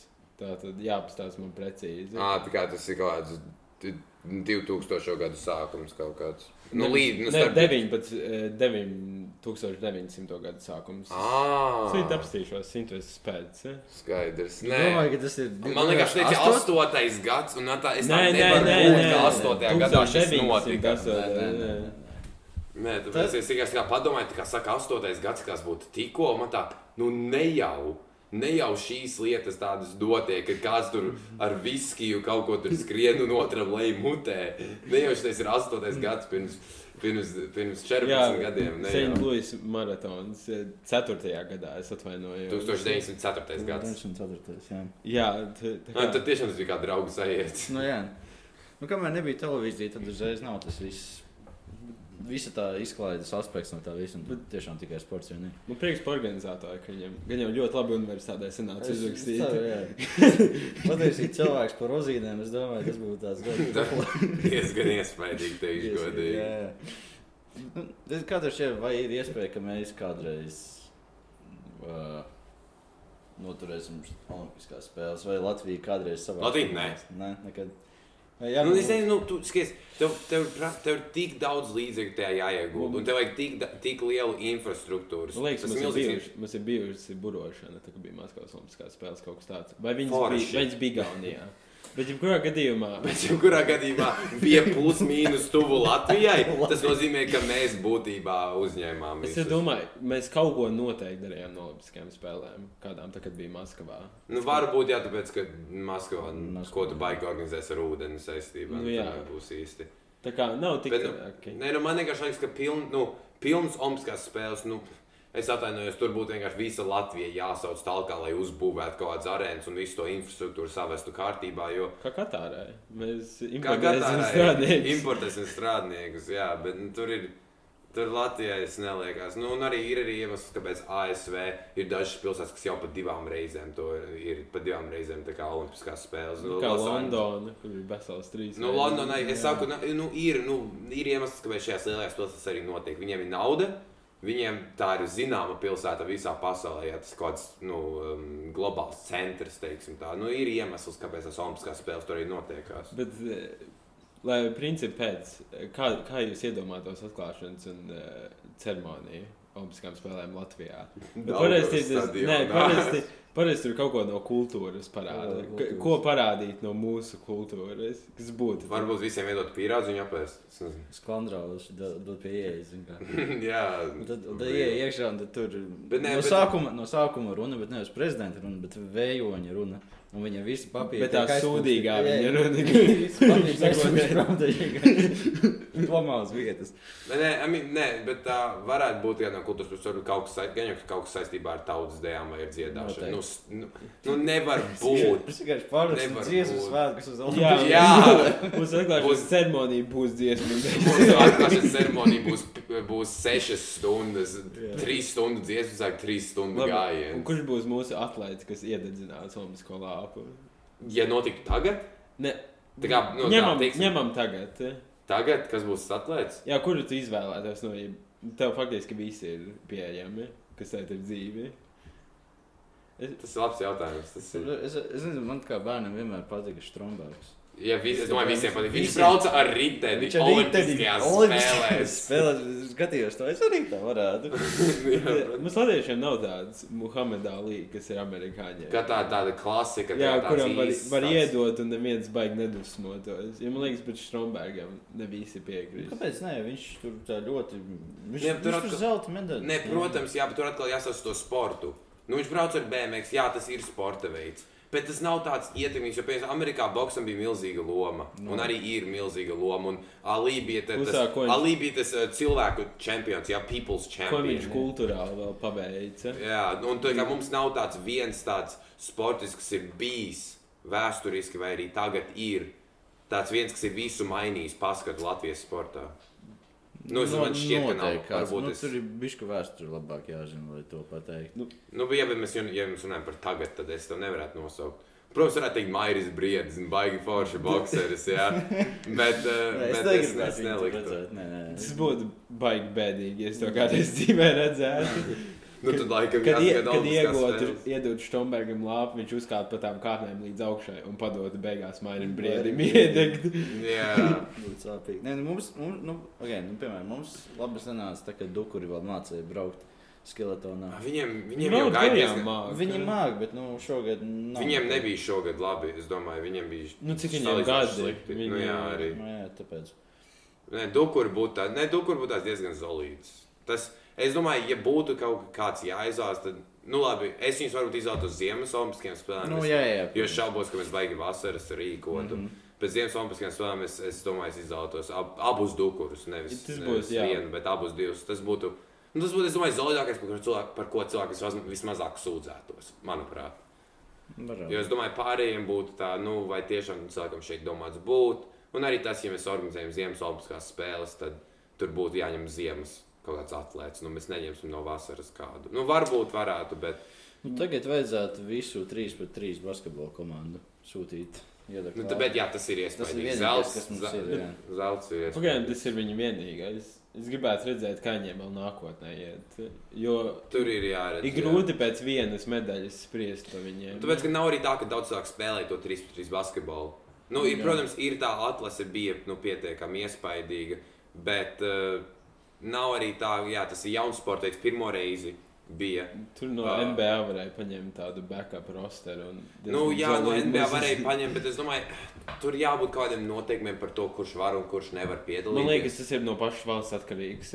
Jo man liekas, pirms tam arī, aiz, tā, kad nebija tā, pirmais gads, kad bija Dream Teams, pirms tam neļāva spēlēt profesionāli. NBA spēlētāji neļāva spēlēt. Bet viņiem jā. pati Vi- valsts neļāva. Man liekas, Olimpiskā vienībai bija vienalga. Nē, Olimpiskā vienība neatļāva. Ne, Olimpiskā vienība neatļāva NBA spēlētājiem spēlēt Tieši līdz, Olimpiskā. līdz 92. gadam Barcelonā, kur arī ASV dabūja to savu atkal sapņu komandu. Jā, nu, mums sapņu komanda ir 35. gads. Jā. Mm -hmm. Um, bet uh, viņiem ASV sapņu komandijas otrais gads, viņi vienkārši burtiski visus nodzina no laukuma. Man tas liekas tā kā negodīgi. Tie kaut fakts, ka tu esi vienkārši labāks sportists, nevajadzētu tev Nevajadzētu. likvidēt ārā no Olimpiskās. Nu, protams, tev par to maksā, un, piemēram, dažiem nav tādas iespējas, ka viņus tā finansē. Viņi Bet atkal, darīja. tu esi strādājis, tu, tu, tu esi trenējies, Jā. un tu esi visu darījis tā labā, lai tu būtu labākais pasaulē. Un tagad pēkšņi te saka, nu jā, nu tev maksā par to, ka tu sporto. Nu, laikam nevar. Tas pats ir uh, NCAA. Tev kā sportistam nevar maksāt. Ja? Nu, jā, bet Nekāds. atkal tās ir universitātes komandas. Es saprotu, ka tur ir milzīgs Tur, mārketings, bet tās ir tur universitātes eh, komandas. viegli lieta, kā arī diezgan pateikt. Es zinu, ka latvieši, kad dodas, uh, viņiem ir jā, ja tu esi kādreiz uzvarējis jau kādu sporta kausu, ko tev iedod dāvāns karti. Ja viņi atklāja, ka tu esi pieņēmis, tad vairs nav tas sports scholarships. Protams, viņi tik dziļi parasti nemeklē, bet tagad tu vēl oficiāli trenējies tur un atbrauc, piemēram, Latvijā nostartēt. Tev jāatsakās no tām dāvānu kartēm un viss kaut kas tāds. Nē, tāpēc tā ir tā, nu jā, tur atkal ir jocīgi tas, ka tā ideja ir tas, ka tev nemaksā. Ideja tāda, ka tu ej universitātē, tu esi universitātes komandā, un universitātē tev nevar par to maksāt. Bet tad atkal problēma tāda, nu, nu jā, bet es braucu uz citām pilsētām, spēlēt spēlēs, un man rāda uz televizoru, kāpēc man tagad nemaksā. Protams, kā atlētājs, ja tu esi pietiekami veiksmīgs, tu vari vienkārši turpināt mācīties augstskolā un vienkārši nesaņemt to uh, scholarshipu. Tā kā Nu, jā. akceptēt visu, ko tev. Un tas, tam ir savs bonus, bet tajā pašā laikā, ja tu nāc, es nezinu, no netik veiksmīgas ģimenes, kur tev nav tas finansiālās iespējas, Tad tev ir, tad tev ir jāņem tas, Jā, tas tad tev eh, realitātē ir. tā stipendija uz sportu, un nevar bez tās izdzīvot pēc Jā. būtības. Nu, tur ir tā dīvaina lieta par sportu, ka būtībā pats no sevis sports nepelna naudu. Tas vienkārši nes godu kaut kādai organizācijai, nu, priekš kuras tu spēlē, vai tā ir universitāte, valsts. Kaut kāda vienkārša komanda. jā, Nu, tā, Jā. un tāpēc viņi tikai arī tev viņi maksās. Jā, un tāpēc arī ir interesanti dzirdēt, vienmēr, kā Delfs sūdzās par to, ka, ā, par šit, ka, kurš dabūja bronzu. Ā, Mūsu tā komanda. Skeltonā, domāju, nu, vai- skele, nu, tā, Kamaniņā. Kamaniņās, Jā. Visi tā miksētā dabūja bronzu, jā, un tad uzreiz rakstīja, cik daudz viņi nopelnīs, jā, un tas ir pilnīgs izsmielis. Man šeit bija kaut kādiem 35 tūkstošiem, jā, par vienu medaļu. Nu, tāpēc, nu, no vienas puses, nu, prasās vairāk, bet no otras puses, nu, tas jau nav Tu jau piedalies, tu piedalies godam, tu nepiedalies, lai tos. Nu, teorētiski ir Olimpiskās spēles ir gods. Jā, Visi arī tu, pap, tu apsies, jebkuru interviju cilvēku saka, man piedalīties Olimpiskajās spēlēs ir gods, pārstāvēt Mhm. savu valsti. Tajā pašā laikā tas liekas ļoti interesanti. Ja tev valsts neko nefinansē no tā, piemēram, ja tu beigās pateiktu to, ka eh, tagad tu saņem medaļas, to, ka eh, tu vienkārši nepieminētu savu valsti, teikt to, ka viņi tev nekā nepalīdzēja, tad uzreiz tevi vainot par to visu. Kaut vai tā realitāte ir. eh? Jā, nu tev, tev piespiež, tev piespiež spē, nu, spēlēt valsts vārdā vai piedalīties valsts vārdā.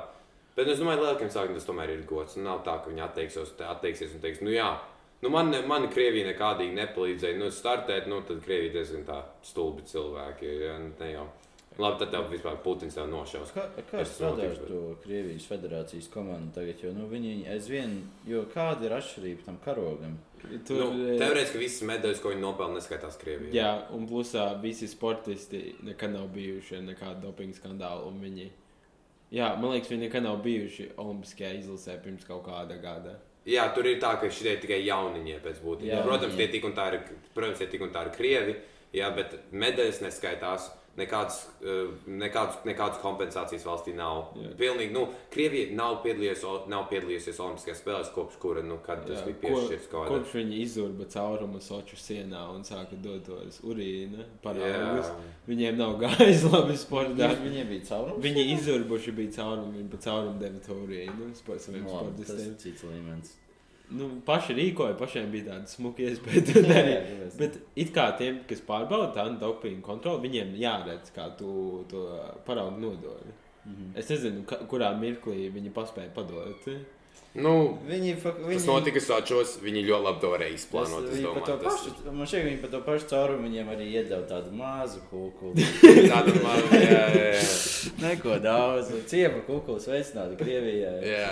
Man prieks, ka jūs šeit esat. Jā, tas- Izbaudat šīs Olimpiskās Roda ar spēles. pelniņiem, jau un, nu, kaut kas vēl nedaudz ka, Lūdzu, šeit tev ir, šeit tev ir um, kartīte uz istabiņu hotelī, tev ir ieskaitītas brokastis, lūdzu, šim papildus naudu, ja vajag suvenīru, Jā, šit, šitā kartīte hotelam, šitā kartīte ir kaut kam citam. Tam vajadzīga bankomātu. Ja? Man, jā. Tā kā, jā, nu, bet, nu, Nu, organizēt visu var. Ar, ar gribas spēku, ar gribas spēku visu var panākt. Bet jūs dzirdējāt, ka kaut kāda krievu daļas lidotāja bija. Viņi uzķēra it kā uz dopingu, bet viņi atļauj piedalīties. Jā, jo viņa, viņai uzķēra Krievijā, tā kā viņa piedalījās kaut kādā tur, nu, nacionālajā. Tur viņai kaut kā federācija tur ar viņu parunāja un teica, ka Pateica, viņa "Nē, var bet-" trenēties. bet es tur ne, man visu laiku met ārā to rakstu, es neesmu izlasījis. Jā, es neesmu. zinošs. Bet, nu, ir kaut kā grūti iedomāties, ka kaut kādā daļas lidošanā ņems dopingu, lai arī, nu, Nu, šādi arī ņem dopingu. Es nezinu, Lai ātrāk domā, Nē, viņi, man liekas, tas vienkārši pieņemts. Ja tu nodarbojies sporta veidu, tu piedalies dabiskā veidā. Tev Mm, vienalga. Nu, protams, kāds. jā, tāpēc, ka tu nevis te jau nenovērtē to, cik tu, cik tu daudz vari sevi iepumpēt iekšā, bet gan to, cik tu re, faktiski un reāli spējīgs esi kaut ko Jā. izdarīt. Protams, varētu izveidot tādas atgādinātas olimpiskās spēles, kur atļauj jebkam piedalīties. Jā. Cik vien daudz es salietu. Cik vien daudz tas salētais redzēt, kurš nomirs pirmais. Bet nu, tas ir tā lieta, tāpēc, ka, piemēram, kaut kādā bobslējā, nu, visi jau nebrauc ar vieniem tiem pašiem bobiem. Katra valsts tur bišķi kaut ko uztaisīja ar savām tehnoloģijām. Es atceros, ka bija, mēs tur baigi priecājāmies, ka cilvēki no RTV mums palīdzēja beigās slietas ja, no kaut kādiem baigiem metāliem. Ja. Tāpēc nu, varētu būt trīs faktori. Ja tev ir sports, bobs tas- un dopings. Ja, tas ir Olaņa farma sponsorēts. eh, Bet tad tev liekas, ka, tev liekas, ka tas, ka uh, bobslējā katram ir savādāks. Protams, es atbalstītu, ka visi bobslēji būtu vienādi, bet tajā pašā laikā man liekas, tas atkarīgs no cilvēka. Tas tāpat kā. Jā. eh, Protams, arī gribētu, ka visiem slēpotājiem vienas slēpes, bet nu, katram patīk savādāk. Nu, jā, bet, nu, tur uzreiz tā tehnoloģiskā daļa parādās. Es zinu, ka cilvēki baigs uzdās par to, ka nu, tie bobi ir salīdzinoši dārgi. Un, un, nu, ir, nu, saprot, lai trenētos bobslēdē, tev vajag trasts un tev vajag bobu, kas maksā kaut kādiem 100 tūkstošiem. 200 tūkstošiem. Ja? un Tāpēc nu, tas nav baigi lēts sports. Kamēr viņi dzinēja, nepieliek pie viņa, man liekas. nu, Man liekas, vai, starpē. lai diezgan legāli, kamēr nav dzirdējis, viss viss normāli. Jā, nu, vienkārši šo, šogad pirmo reizi, es nezinu, vai atgriežas, bet ir sievietēm tas vienvietīgais bobs. Viņi, Un tie gan visi ir vienādi. man liekas, sievietēm nebija bijis savādāk ar bobslēju, vai ka- tā kā viņiem nav tās pašas disciplīnas. Viņām nav tās pašas, jā. Un, un tur sūdzās par to, ka viņas nedabūtu nu, tik daudz medaļas. Viņas nevar dabūt vispār kā vīrieši. Tas gan ir bijis nesaprotami, kāpēc nevar uztaisīt vienlīdzīgi, jo man liekas, neliekas baigā atšķirība bobslējā. Nu, Turbūt tas pieprasījums varbūt nav tik liels. Mm, Tā. tur tur Tā vienmēr ir. tā pati debata, ka ir sporti, kurus vienkārši cilvēki grib skatīties, kā vīrieši spēlē, nevis kā Nē, nē, bet tur spēlē. šoreiz ir tā lieta tāda, ka uh, viņiem viss savādākas disciplīnas ir. Jā. Ah, tā kā- pilnībā. Jā, kad nu, es neredzu tam jēgu būt. Nu, Nu, nezinu. ja viņi tā ir vēl. kā ir. Nu, bet uh, runājot tā kā. Nu, Rodas jau tie jautājumi, piemēram, kad runā par dopingu. Jo, jo sportists jau izmanto visas sādas, tur, nu, uh, vitamīnu, nu, vitamīnus mēs drīkstam. Ja, bet, nu, kurā momentā? Pārvērš par dopingu. Kurā, vai, tas, vai tas moments ir ļoti labi redzams? Man dzīves pieredze dēļ, vai obligāti bija jāiz, jāizpilda Iron Clean certifikāts. Kurš baigā bomba ir, ja man ir tāda pieķers dopingu, man divreiz ilgāks sods nekā, ja man nebūtu tas certifikāts. Tas, jā. Jā. jo es kā esmu izglītojies, es zinu, kas ir atļauts, kas nav. Jā, bet, nu, Bet- kā, viņi izvēlās, kas ir kas nav atļauts? Tas ir, ļoti Tas ir. Nav īsti. Piemēram, ko, kas man liekas dīvaini, tev atļauj lietot, piemēram, tieši kofeīnu pirms starta. Tas ir tīrā formā, tu viņu var iedzert. Ja? Un Jā. tev dod enerģiju. Nu, nosacīti, tam vienkārši pulss pātrinās un tev sajūta, ka dod enerģiju. Bet nu, viņa, ar viņu nav. Ar kofeīnu es saprotu argumentu, to, ka it kā viņš tev nedod nekādu kā vairāk skābekli vai kaut ko tādu, kas ļauj ātrāk izvadīt. Viņu kas izkurāt. jau tā kā fizio, nu, jā, fiziski. viņš vienīgo, ko dara, tev pātrina pulsu, ko var realitātē izdarīt tev daudz kas dzīvē. Tā kā, nu, bet ir, protams, tādas Viņš manāmākas vielas, kā steroīdi, kuras ir, kuri bija. Tas bioloģiski Bija raksts, es lasīju, kur tie, kas netrenējas un lieto steroīdus, ātrāk gūs noskuļumās nekā tie, kas trenējas un ne, nelieto. Tā kā tur tiešām ir jūtama atšķirība. Nē. Es atceros, ka mm, pēc Rīgas tiem Olimpiskajiem spēlēm bija baigais strīds par vienu sieviešu. Es, nezinu, vai viņa ir sprintere vai kas. Bet nu, viņa nebija daudz cilvēku, uz, uzstīk, ka viņa nav baigā sieviete.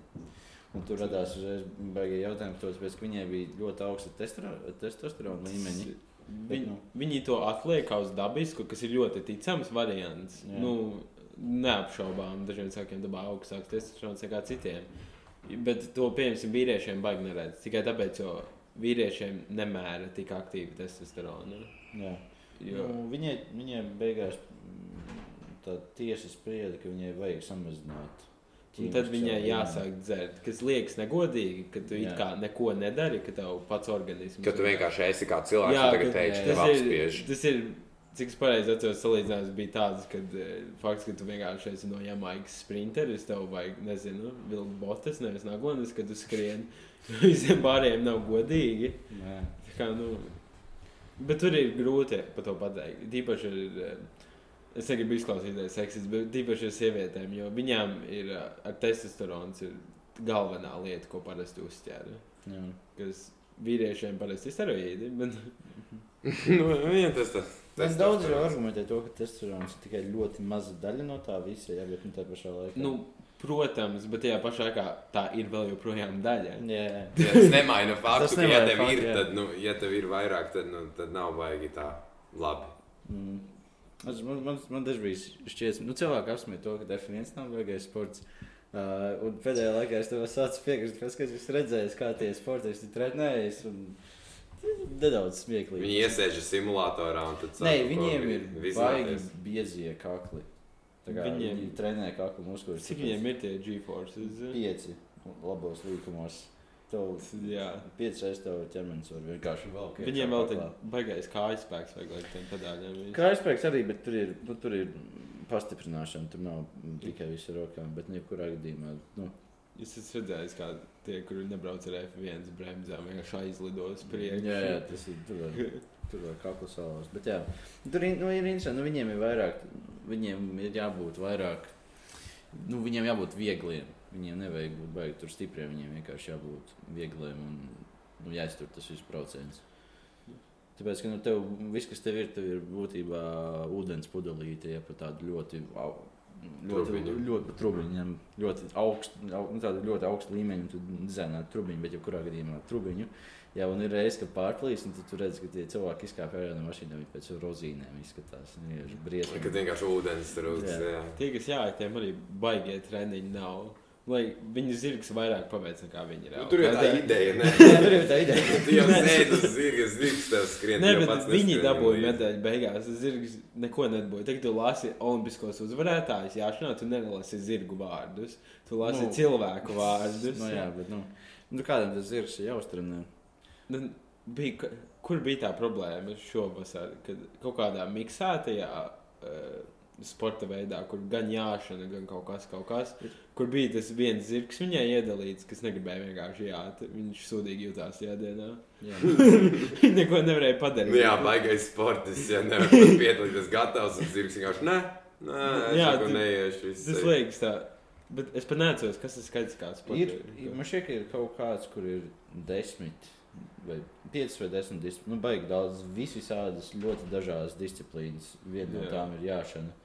Jā, un, nu, izklausās interesanti. Tas tā ir, nu, viņš savādāk, jo ir kaut kāda biatlons, triatlons, tādas lietas. Bet, man liekas, tas ir tāds bagāto cilvēku veids, kā nokļūt par olimpieti. Tu, Arī, tu dabūji smuku zirgu, Un tad tu, viss ir tu forši, jā. aizbrauc pajāt.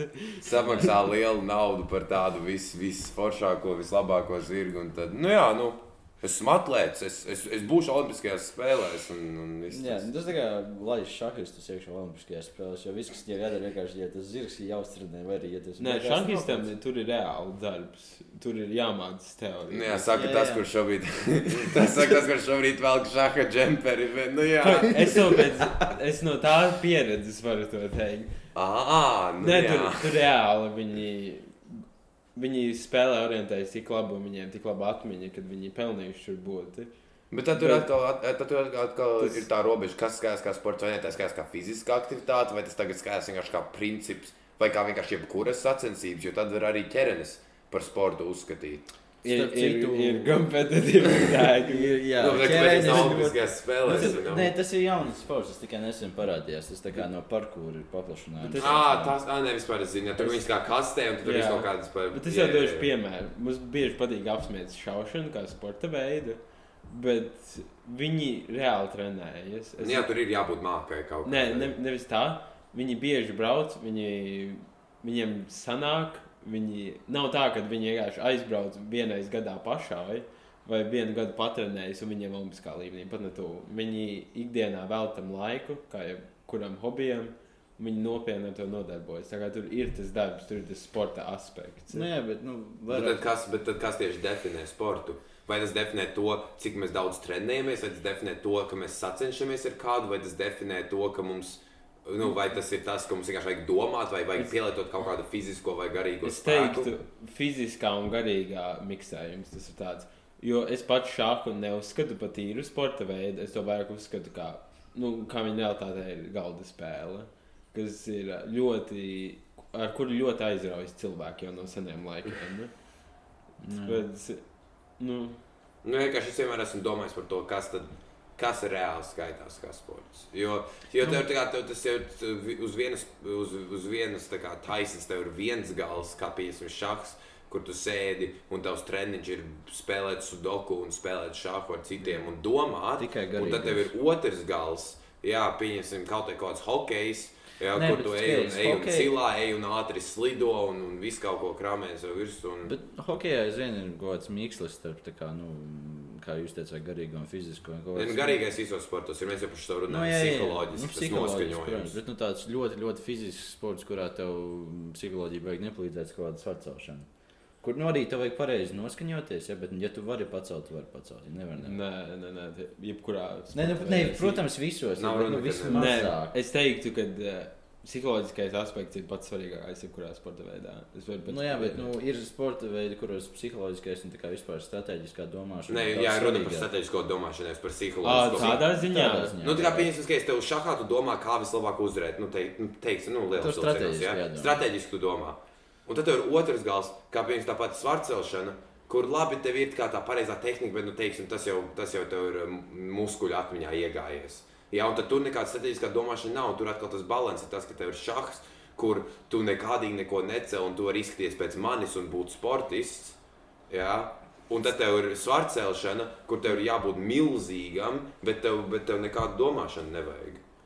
Nu, Un tur ir atkal problēma, kas, ir tas, kas tad ir sports, ja mēs skaitām tik dažādas lietas. Mums patīk domāt, ka, jo mēs redzam sportistus tikai viņu sacensību mirklī. Un, jā, svarcelšana, skaties, sacensībās nav baigā domāšana. Bet pats tas treniņš, plāni, viss tas. Nu jā, un ēšana. Un kā viņš to, tas vēl joprojām prasa domāšanu. Nu, viņam ir treneris arī priekš tā. Nu, bet, protams, jā. ir treneris, bet treneris var tik daudz paveikt, ja tu esi spītīgs sportists un negribi viņu klausīt. Nu, tev vēl joprojām pašam jāzina, kas tev ir labāk un ko darīt. Nu, jā, bet nu, šajā gadījumā vienkārši vairāk priecas par to salīdzināšanu. Nu, ka tu, nu, tu, tu nevari tu nevari ja pateikt, ka šādā cilvēkā domā tikpat daudz, cik svarcelšanā. Ne, es to necenšos pateikt. Un tad, tad, ne, tas arī kāpēc tas jautājums, tad, kas īsti skaitās kā sports. Vai tās ir sacensības, vai tās ir.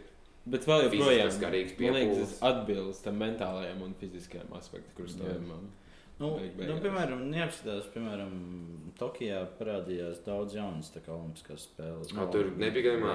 Tur Nu, Skateboarding. Kāpšana tur bija. Kliņš kāpšana. Jā. jā, bija um, Skateboarding, freestyles tieši. Jā, Ah, freestyles. freestyles, jā. Nu, tā freestyle parādīšanās tā ir tāda interesanta lieta, jo nu, tas tā kā, nu, Bija jau runas par to iepriekš. Es domāju, jā, Jā. Ka, kur, kur bija iepriekšējās Olimpiskās spēles. Ah, 16, nu jā, 16 gadus uh, Rio. Olimpiskās spēles. Kāpšana ir tāds interesants. Jo viņiem viens ir, kur viņi kāp uz pašu, tā kā pirmo reizi, kur viņi redz, cik es saprotu. Un viens ir, kur jau ir, kur viņi simtiem reižu kāpuši pa identisku trasi, un kurš ātrāk uzkāps augšā.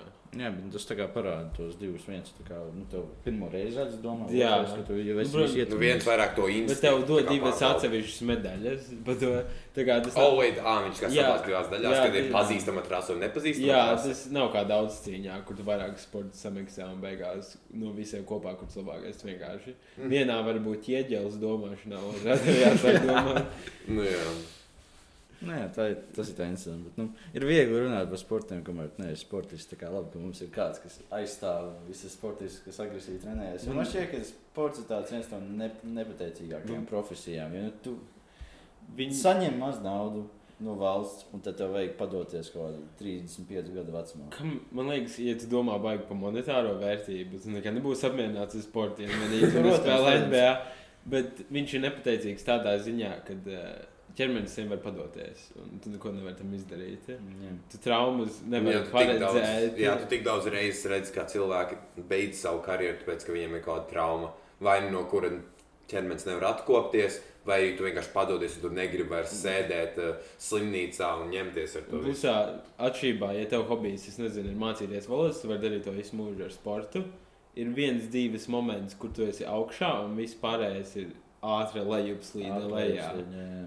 Un tev ir laika limits, un tev pašam jāapzinās, ko tu vari paspēt viņa laikā izdarīt, un kam tu gribi veltīt savu koncentrāciju. Jā, un savu, teiksim tā, savus labos gadus, kaut kādus savus labos brīžus.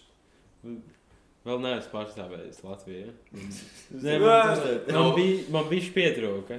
Es eh, abas divas reizes biju ceturtais tajā čempionātā. Un Ā. 20 tik tikko. Es būtu bijis top 2, es būtu ticis Baltiju pārstāvējis. Oh. Jā, man bija pietrūka. Es nu, Pats Bet, bet cik tur cilvēki piedalījās? Tu teici, tajos 400 niekos. 400. 400 metros mēs bijām kopā kā 20.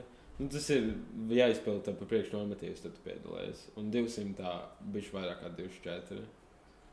Visiem jāizpild normatīvs, un tad tev pielaiž. Bet tad nākamā nedēļa man pieaugušo. Cerams, cerams viņš labāk darīs. Jā. Nu, redzēsim, redzēsim. Labs sportists uz vietām neskrien. Viņš skrien uz pats uz savu rezultātu un pašapmierinātību. Ah, Edvards pirms 20 sekundēm. Nu jā, būtu forši Latvijā. Bet nu es paliku ceptais, neko darīt. Nē, nu, nē, nē, es priecīgs. Nu, Bet- protams, ka nē, jā. Bet, protams, tajā pašā laikā, būt, man liekas, ja kādreiz tu būtu topā kaut kur pasaulē vai pirmais, būtu grūti tiekties kaut kam tālāk. Jā, vienā brīdī tev vienkārši beidzās tas, beidzās tā mērķtiecība, beidzās tā sajūta, un tad tu tā, nu, nu jā, šeit esmu, kas tagad notiek. Protams, viegli plēt, kā tev bonus, ka tu cīnies ar visu cilvēci, jo tad, ja tev, tavs konkurents uzstādīja pasaules rekordu pirms 20 gadiem, tu vēl joprojām cīnies to pašu rekordu, ko viņš uzstādīja pirms 20 gadiem. Bet tad, kad tu viņu sasniedz tik un tā, tu esi topā. Nu, Mhm. Jā, nu, tagad ir dabūjis kaut kādu olimpisko medaļu. nu, Tad tiešām, ko, ko tālāk? Ko tālāk? Ko tiešām? tālāk? Vēl viena medaļa. Jā, Vēl vienu, ah, nu labi, nu man ir viena, tagad vajadzēs trīs. Jā. Un tad vēl pasaules čempionāta piemetīs klāt. Un tad tā kā sāc vienkārši tā bezmērķīgi, teiksim, tā mest klāt kaut kādas lietas, ko tu gribi izdarīt. Un tad beigās tas tā kā, tā kā mazliet to prieku, nu, kā cilvēks saka, es gribu sasniegt Olimpiskās spēles. Bolts tāpēc izdarīja gudri. Viņš pēc pirmām olimpiskajām spēlēm viņam bija cik 3-2 gadi, kad viņš beidza karjeru. Nu, Apmēram. viņš jā. nebija vecs. Viņš joprojām līdz šai dienai, man liekas, varētu skriet. Bet viņš izlēma, ka ir paveicis savu, ātrāk nenoskais, un viņš saprata, ka ir laiks beigt. Jo viegli teikt, ka vēl projām Latvijā ir tādi sportisti, kuriem ir 40 gadi, un viņi mauci. nu, jā. un cenšas sasniegt jaunības rezultātus. un Tas jau bēdīgi sāk iztīties. Kur viņi runā, kad ir trenējušies ilgāk nekā es esmu dzīvojis. Bet, nu, bet, piemēram, ko dara viegli? Ja nu, jums vajag salīdzinoši ātri, nu, iet pensijā, teiksim tā. Vai es Ā, aiziet no sporta? Pop, ja tu esi labs sportists bijis, bet tev nav gājis labi skolā, tu kļūsi par treneri. Vieglais variants. Vieglais. Ja tev, ja, protams, ja tev labi arī skolā gāja, tu viegli tik bija tava agrākā pagātne, tad tu, nezinu, nodarbojies ar uh, uh, ābolu pārdošanu centrāla tirgu, tu tam esi izglītojies. Bet, kā, kā tev labāk pasaka? Mm, bet tik un tā, es gribētu teikt, ka 60% no olimpiskajiem sportistiem paliek pa treneriem. Ne? Jā. Tikai tāpēc, jo tu ir esi, tu esi tajā atmosfērā, ir grūti iziet ārā. Tā kā tev patīk, tu esi bijis, tu, tu, visu, tu visu savu dzīvi esi bijis sports, un tu visu laiku esi ar kādiem treneriem un citiem sportistiem runājis. Un, tā kā, un es ticu, kāpēc ir, tāpēc redz, ka cilvēki raud, tā, kad viņi pieņems aiziet pensijā, teiksim, tā, vai arī ir ļoti bēdīgi par to, ka viņi aiziet no kādas komandas. Ja? Viņi raud un ir ļoti bēdīgi par to visu pasākumu. Ka tā ir vienkārši bijusi tā atmosfēra tik ilgu laiku, un tu nevari vienkārši tā pateikt, ah, es beidzu, nē, ok. Un tā, jā, tā, tā, tā, tā nebeidzās. Bet es nevarētu būt treneris. Man Ņemties ar bērnu. Nē, man būtu grūti pieņemt to, ka es strādāju, kad es pats to īsti neesmu sasniedzis. Ka es vienīgo, ko daru, ir vadu kādu citu. Bet, bet nu, kaut kā Da- dažiem- dažiem tev jau būs. Ja tas, ja Nē, nu, protams, bet, sasniegsi eh, kaut ko. Nu, vienkārši tas, ka ja tu pats to neesi Man vienā sasniedzis, brīdī tad- paliktu, gan jau dusmīgs uz saviem uh, trenējiem, un viņu vietā vienkārši noskrietu labāk. Nē, tas tur ir tā lieta, kā iedomājos, kā būtu, pieņemsim, uh, trenēt kaut kādu, nu, vismaz basketbolā kaut kādus deviņgadīgus bērnus, kas neko nevar izdarīt. Un es kā, teiksim, tāds cilvēks, kas iepriekš spēlēja basketbolu, tā skatos, vienkārši uziet uz laukumu, burtiski izņemtu bumbu no rokas un iemestu viņa vietā, jo tas būtu tik bēdīgi Nu, skatīties, kā skaidrs. viņš es, es biju tajā situācijā, tāpēc, ka es mūsu jaunāko klases biedru Pēteru būtībā, nu, viņš daudz ko izdarīja, bet, nu, būtībā es viņu apmācīju, lai tiktu iekšā gimnāzijā. Jā, un, un bija moments, kur man vienkārši bija tāds, vai es vienkārši tavā vietā to izdarīšu. Tad, nu, nevar īsti, jā, tāpēc ir kaut kāds gandarījums par to gadījumā. Priekšnieka attieksme, kad labāk pats to izdarīsi. jā. Nevar Nu, viņu- viss, ai, nu, beidz, beidz, es teiktu. Tu, tu savu jau esi izdarījis. Paldies, tu visus vēl vairāk sačakarēji. Nu, tā kā, paldies tev, tu neko nepanāci. Nu, jā, bet nu, tur, tur nevar īsti tā vajag krāpties. Tā kā, nu.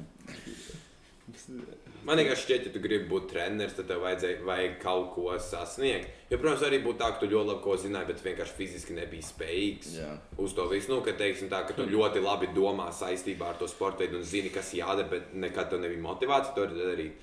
Bet, jā, es domāju, būtu tā, ja, es, ja, ja kāds būtu treneris un tad tavs audzēknis sasniegtu to, ko tu vienmēr esi gribējis sasniegt, nu, es domāju, tur nebūtu pilnīgs gandarījums. Tur būtu mazliet graustu, es domāju, greizsirdība. Nu, bet skaties, jautājums, kāda līmeņa treneris. Ja tu būsi kaut kāds sports skolotājs, Nu, jā, jā, es Limbaģis saprotu. palīgs skolā, ja, tad es tev saku, nu, tu pat nebūsi sports, visu, ko tu būsi darījis, tu būsi nu, pie kādiem stieņiem, tu bišķi trenējies savos 19 gados.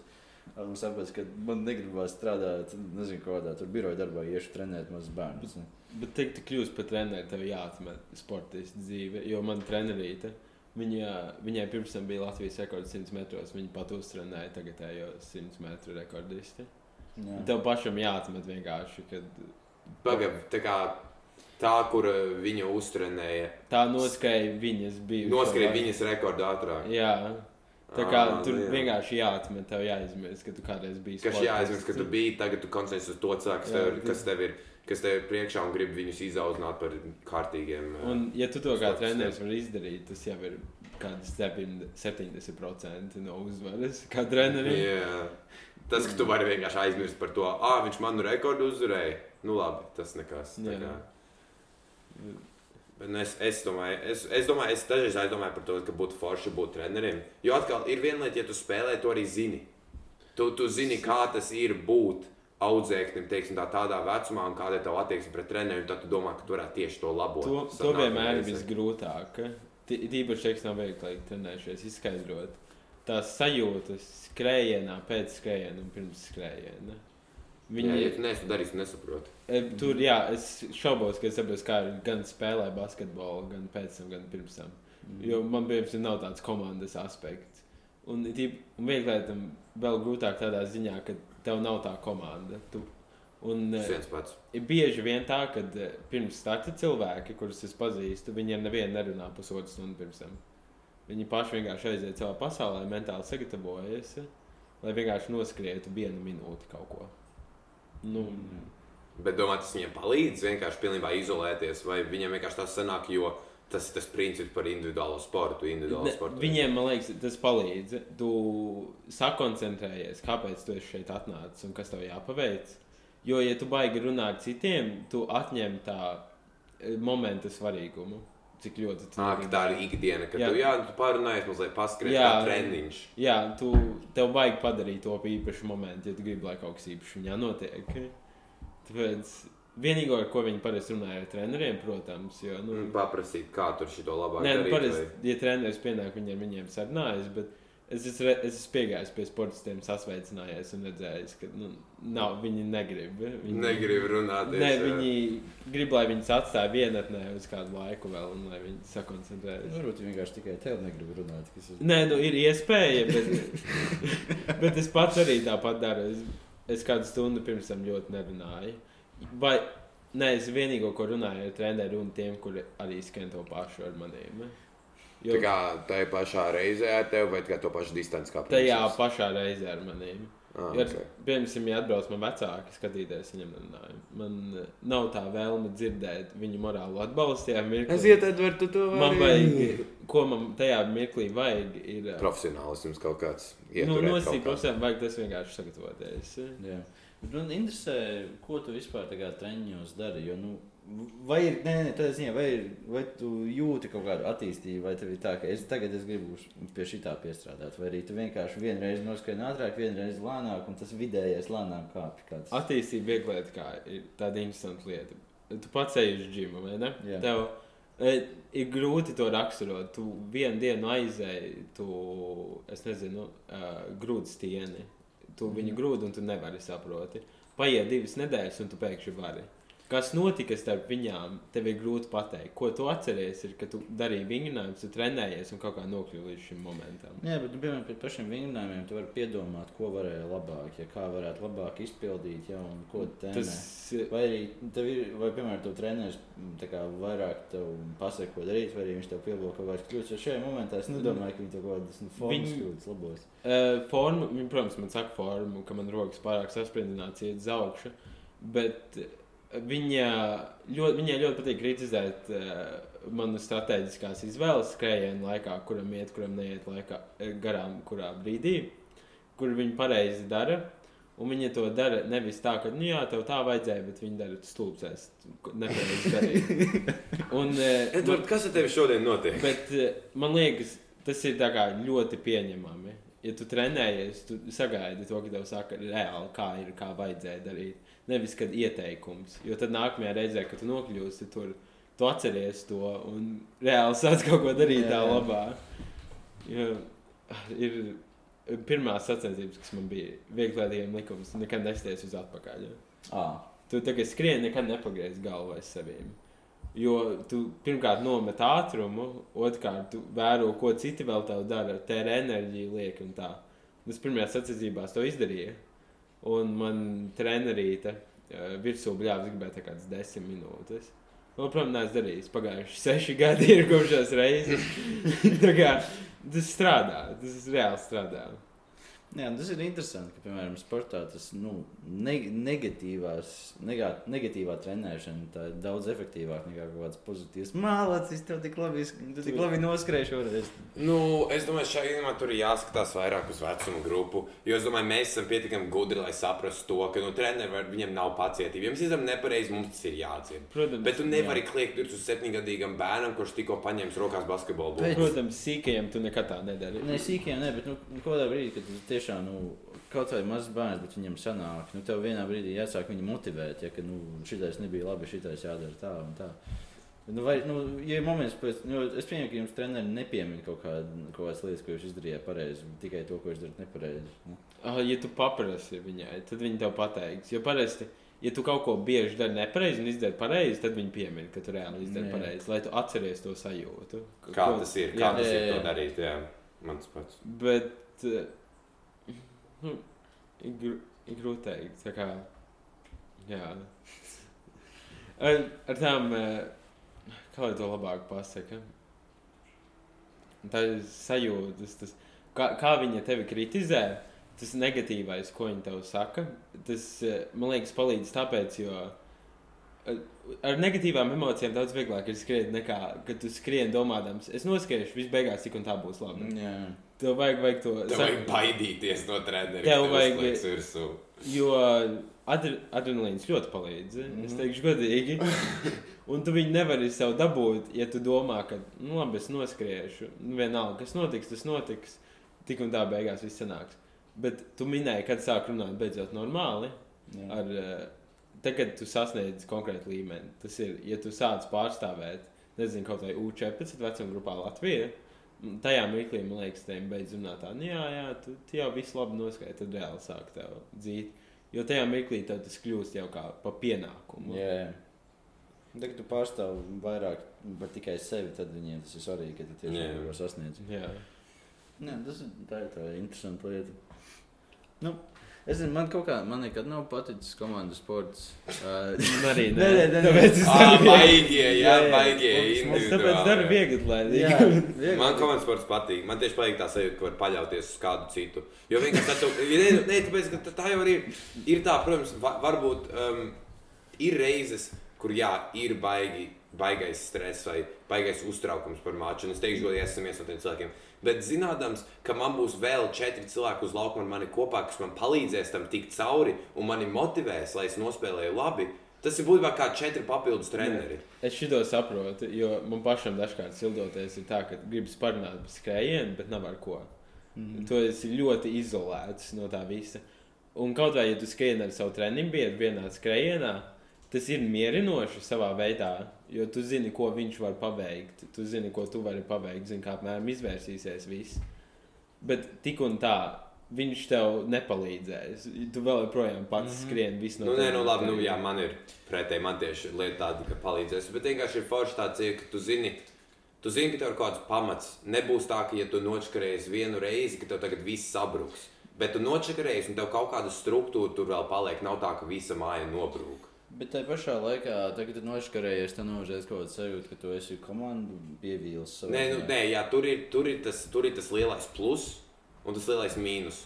Tu zini, ka tu, tu, tev ir tāds, ka pievilki komandu, bet tev arī tu zini, ka tavu komandas biedri, nu, ja viņi ir labi komandas biedri vai arī labi krietni cilvēki, tad viņi tev piedos un palīdzēs tev to, to izlabot, to kļūdu. Un man esmu personīgi tā, ja es zinu, ka man cilvēki palīdz un ka es kopā ar cilvēkiem sadarbojos, lai tiktu līdz kādam noteiktam mērķim, tad es zinu, ka man ir daudz mazāk iespēja pieļaut kaut kādu kļūdu, jo es vienkārši esmu labākā garīgā stāvoklī. Ja es stresoju un esmu viens pats, es, es nedomāju tā kā vajag, es nedomāju kā es pats. Es vienkārši esmu tāds nekāds. Tikko kā man tie četri cilvēki apkārt jūtos kā daļa no komandas, un es jūtos labi par sevi un savām spējām. Jā, esmu ticis uz laukuma. Esmu ar šiem cilvēkiem konkurēju treniņā, bet tagad mēs visi esam kopīgi viena komanda, viena ko komandas biedri.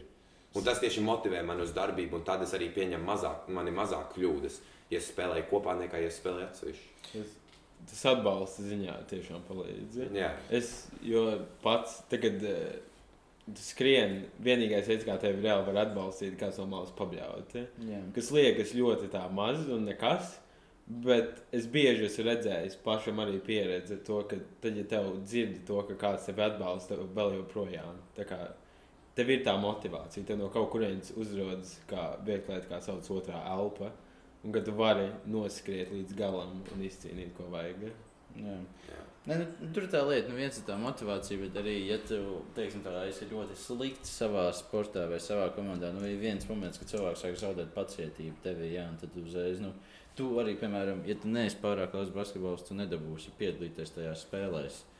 Jā, un, nu, piemēram, es, es kaut kādu pusgadu gāju volejbolā, un bija viens brīdis, kad es sapratu, nu, jo viņi būtībā, es atceros, mēs atnācām vienmēr, un tad treneris, no, jā, nu, šo, šo, šo sestdienu bija beigta foršā spēle, malači visi, jā.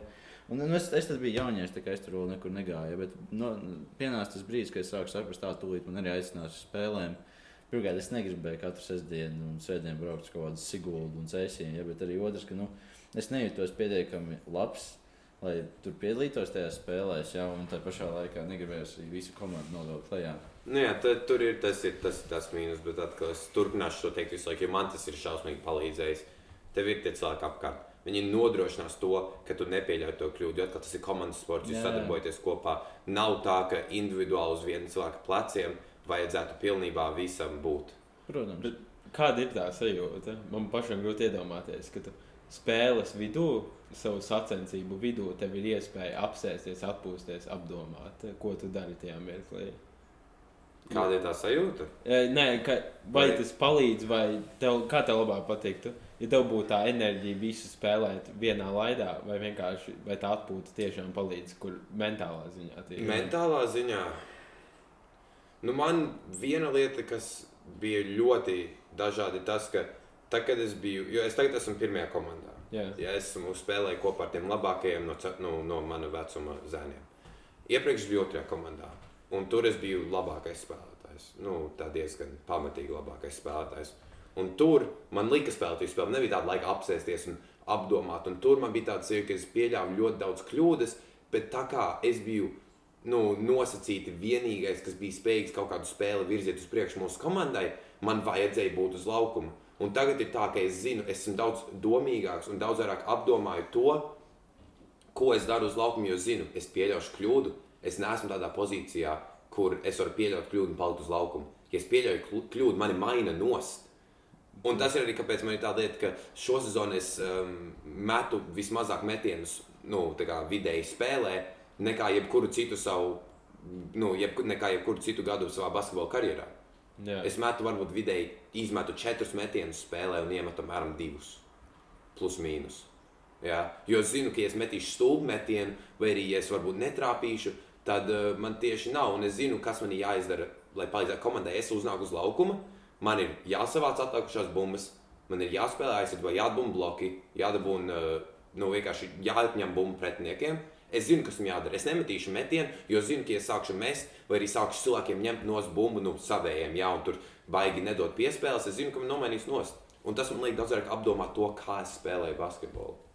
Un tas ir, tas ir kāpēc arī tā sēdēšana, domāšana dažreiz spēles vidū man šausmīgi nodara. Jo man kaut kā viss notiek vienā mirklī. Nu, jā, vien, viena minūte. tas Nē, viena. nē, tu, kaut kā man apsveic, ka skaitā tas nāca ap divām minūtēm. Divas minūtes liekas diezgan ilgs laiks.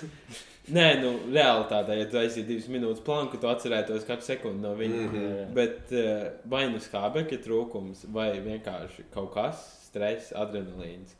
Es neatceros gandrīz neko no skrējiena. Un tagad es visiem reklātiem. Mm. -hmm. Tu atceries tikai dažus momentus. Vai sākumu, finišu un kaut ko pa vidu. Nu, man, man, man ir plus mīnus. Nu, man ir plus mīnus līdzīgi, bet atkal tās reizes, kad es dabūju apsēsties un domāt. Un arī ir tā pēc spēles vai nākamajā dienā domājot, tā tiešām nevajadzēja to Ne. mest, vai tiešām nevajadzēja mēģināt to piespēlēt, padot, es nebūtu aizgājis. Es par šito domāju, ka tev ir iespēja momenta vidū analizēt, ko tu dari pareizi, ko dari Tas nepareizi. būtu labākais basketbols spēlētājs pasaulē. Tu kā- vienkārši neanalizē. E, nu, ne, nu, tāpēc, ka princips tāds, ba, nu, vismaz basketbolā tā gan īstenībā sports, tev jādomā uz vietas. Jā. Un tas, cik tu labi domā uz vietas, arī diktē to, cik tev labs ir tā saucamais eh, basketbola IQ, jā, cik tu ātri un cik tu efektīvi esi spējīgs domāt par to, kā spēle strādā vai par to, ko tev vajadzētu darīt. Man ir diezgan normāli. Lai man ir salīdzinoši, es teiktu, kā komandas kā augšgalā. Domāt es varu, bet man tā spējas pieklibo. Mazliet, un tad īsti nevar izdarīt to, ko es gribu. Bet ir reizes, kur jā, es domāju, pēc tam man tā tiešām nevajadzēja to darīt, vai nevajadzēja to darīt, vai vajadzēja to darīt. Jā, un, protams, tas ir sāpīgi, kad es tikai pēc tam saprotu, bet tas arī ļauj man pēc tam attīstīties līdz nākamajai spēlē un saprast. Nu, jā, nu, piemēram, bet nu, man šķiet, ka basketbolā varbūt tas spiediens ir daudz mazāks, jo visu laiku tiek mestas bumbas. Piemēram, kādā hokeja, kur ir tikai kaut kādi divi, varbūt trīs vārti. Netrāp tukšos vārtos. Jā, netrāp trūkšos vārtos, tu vienkārši esi visu pievils. Arī būtu vārds, tas gan būtu vienkārši nu, tāds. Es nevaru iedomāties to spiedienu, jo ja tu ielaidi un viss. Jā, man tas pats arī futbolā. Kad es redzu, ka cilvēks vārdsargam padod atpakaļ piespēli, nu, aizsargs padod atpakaļ piespēli. Mm. Tā. Kas notika, ja viņš tagad netīšām netrāpīja pa bumbu, tas ierpot briesmīgi. Visi būtu, like, tīpaši futbolā, jā, tev vidējais rezultāts ir 1-0 vai 2-1. Mm. Un tad viena no tiem trīs vai diviem vārtiem, kas iesaistās pa visu spēli, ne pat tavai komandai, bet pa visu spēli, ir tava vaina, tāpēc, ka tu vienkārši neesi spējīgs trāpīt pa bumbu. Man tas vienmēr interesēs. tā Kā, kā, kā, nu, labi, es saprotu, nevar raksturot tās sajūtas, bet kādas sajūtas ir pirms skrējiena? Tas spiediens, jo tu būtībā viss notiek tajā vienā minūtē. Iedomājies stresaināko mirkli savā dzīvē, un reizes divi. Jo man ir tīri atmiņā tāda no pēdējās reizes palicis. Kad es jūtu, man pulss ir kaut kāds 140, es apguļos uz muguras, pacēlu kājas augšā, lai asins notiek no viņām, lai es no sadzītas. Un ar visu to es joprojām kādu sitienu jūtu.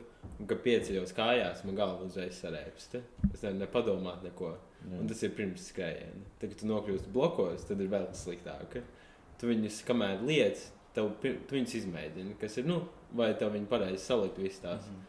Tu izskaini to izmēģinājumu, un tad tu jūti, ka tev nav tas spēks iekšā. Jo tev no tās Tev stre- kā aiztulīt Tev saprot, stress, jā. Bet tagad tu izdzirdi to šāvienu, viss pāriet. Ir Dažiem cilvēkiem tā, ka viņiem pāriet stress, tad, kad viņi jau ir blokā, iesēžas tā kā. Nu, Tad ir jau uz laukuma. Jā, jā. Mhm. man ir tad, kad es pasaku uzmanību, tad man Mhm. pazūd. Man ir līdzīgs princips, tā, kad man uzlaiž uz laukuma. Sākumā es kā stāvu pie tablo, tā kā nu, mazliet kā palēcu, ja ņemu no ieslīdīšanās krēklu. Pilnībā stress uzdarbojas tieši laukumā, ja tu būs, uzlaiž virsū, pasaka maiņa. Ok, viss labi. Spēlēju meču, es es ietu uz priekšu, kā, ja, uz- un uzreiz beidzās. Tas stress ir vienmēr pirms spēles. Tu šausmīgi, šausmīgi streso, nu, es uz man tā ir. Jā. Un spēles laikā tu vienkārši ieej tādā mentalitātē, kur tu vienkārši koncentrējies tikai no basketbola, tikai uz bumbu, tu tikai uz ceļu, par kuru jāskrien. Ja es, es, ie, es vienkārši iefokusējos uz to bumbu, viss. Mana dzīve tagad rosās ap šo objektu. Nākamās desmit minūtes, teiksim.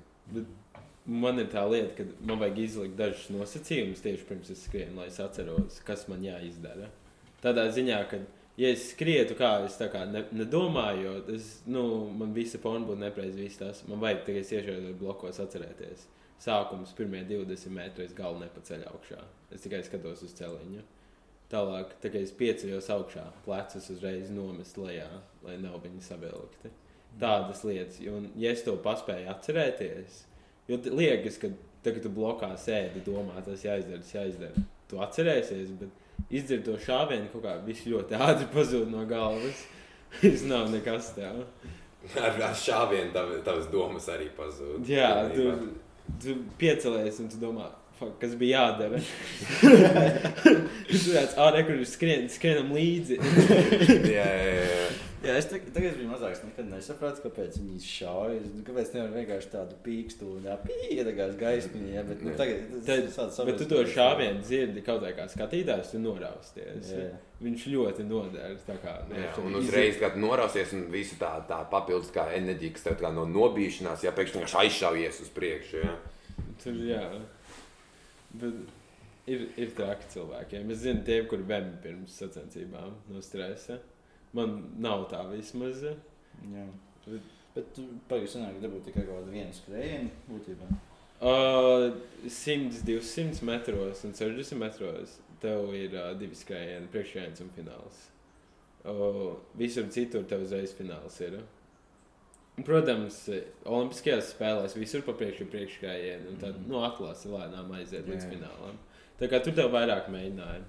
Tālāk, tālākšana man liekas vismazāk stresainākais tikai tāpēc, jo tev ir trīs mēģinājumi, un, ja nokļūst finālā, vēl trīs mēģinājumi.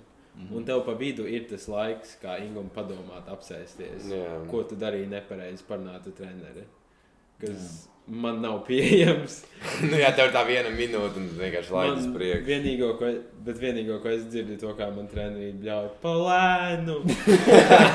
Balēn, ātrāk! Un, un es saprotu, to, ka tā nē.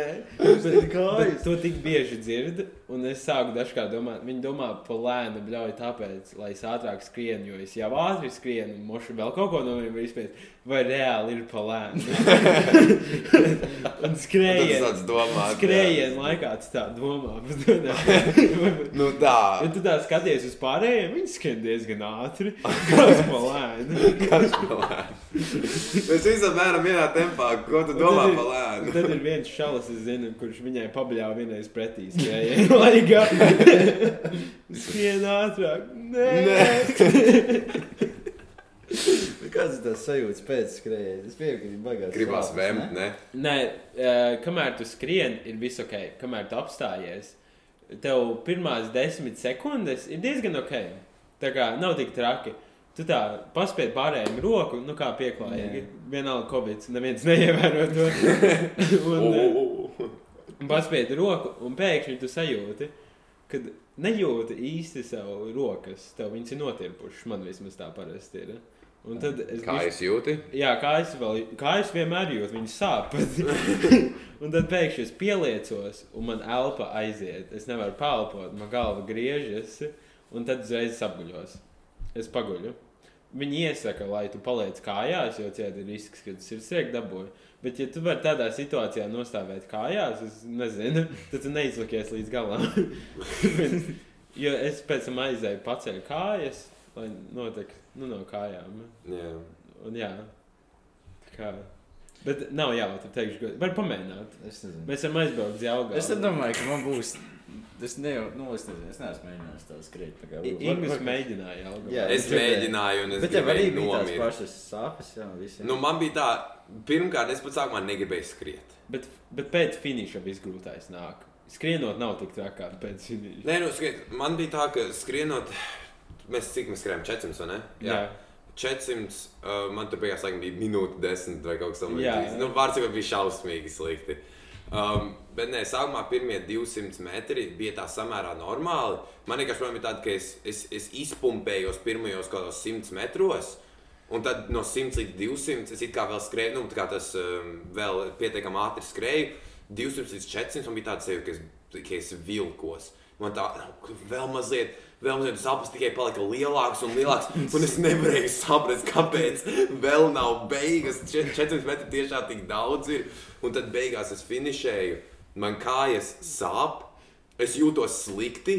Man liekas, ka es tur noģīpšu, un es vienkārši tur stāvu tādā bezdarbībā vienkārši apsēžos. Kā tev Es patīk tā sajūta, ka cilvēki pie tevis iet runāt, un tu nevari Es atbildēt? nevarēju, jā, oh, Ed, Ed, Edvard, tu pienāc klāt. Nu, Ingus, kā bija?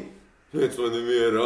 Tu neko nevari pateikt. Tu Jā. gribi apgulties, gribi prom no visiem. Jā, noslēgt. tu vienkārši savā vienatnē tur gulēt, un viss tur tā labais Ingus. Tev bija tikai minūte un desmit sekundes. Un tad Edvards, un tad Edvards tā, nu jā, mans, mans labākais ir 52 sekundes. Un man, paldies, ka tu tev Man trenerīt ir, es esmu finišējis, atspiedies, tur ir tādas margas, jā, pa, nu, lai neizkrīt ārā manēžā.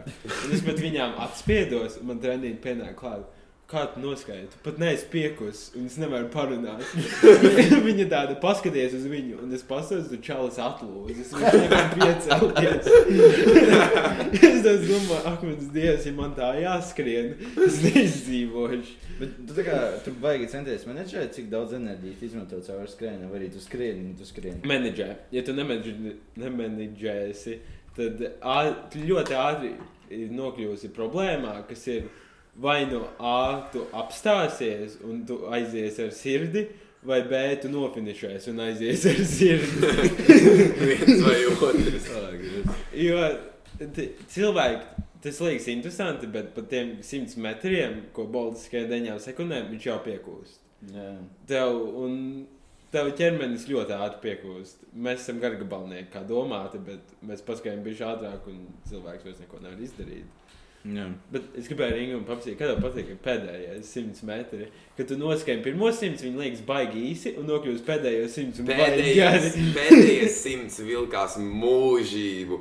Es kā skatos, un kā, nu, tur plus mīnus, nu, cik tur pēdējā taisna, tur laikam bija kaut kāds 70 metri apmēram, tāpēc tur mazliet tajā līkumā. Tur sanāk 90 pusmīnus. Ah, 90, labi, vienalga. Var to 90 metru tā pēdējā taisne. Es redzu, kā nu, tu, tur un vēl, tu un vēl daži stāvēja. Tā, ah, viss labi, aiziet, vēl mazliet aizlūcies. Es tā turpinu, es staigāju, nu, un es skrienu, un tā, ev, nu.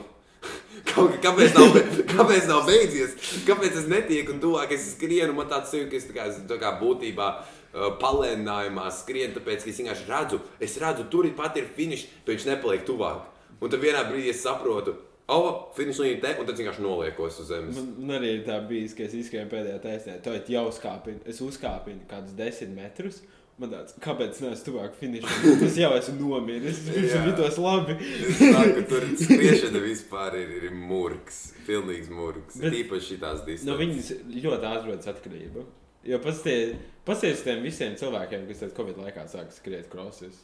De, nekad agrāk tik daudz Rīgas ielās neesmu redzējis kā tagad. Tas gan, jā, tam mēs varētu piekrist. Jā, Māras dīķi, es visu laiku redzu, kā tur skrien apkārt cilvēku. Un, labi, protams, iepriekš tur arī gāja, tāpēc, ka nu, tas ir dīķis Bet, forši. bet viņi visi ir tādi zaļie. Viņiem nav tāda skriešanas kultūra. Es atceros, agrāk, pirms Covid, tas skrien garām skrējiem, tur viņi pasveicinās. Tas vienkārši pacēla roku kaut kā. Nu, parāda. Ā, tā kā tur ir kaut kāda ieaudzināts, kā, kā tev ir domāts. E, Tas ir tīri tā, tam domāts, lai parādītu, ka jā, tu mirsti, es arī mirstu. Bet, nu, Mēs kopā mirstam. jā, un, bet tagad viņi ir kaut kā baigi izolēti paši sevi.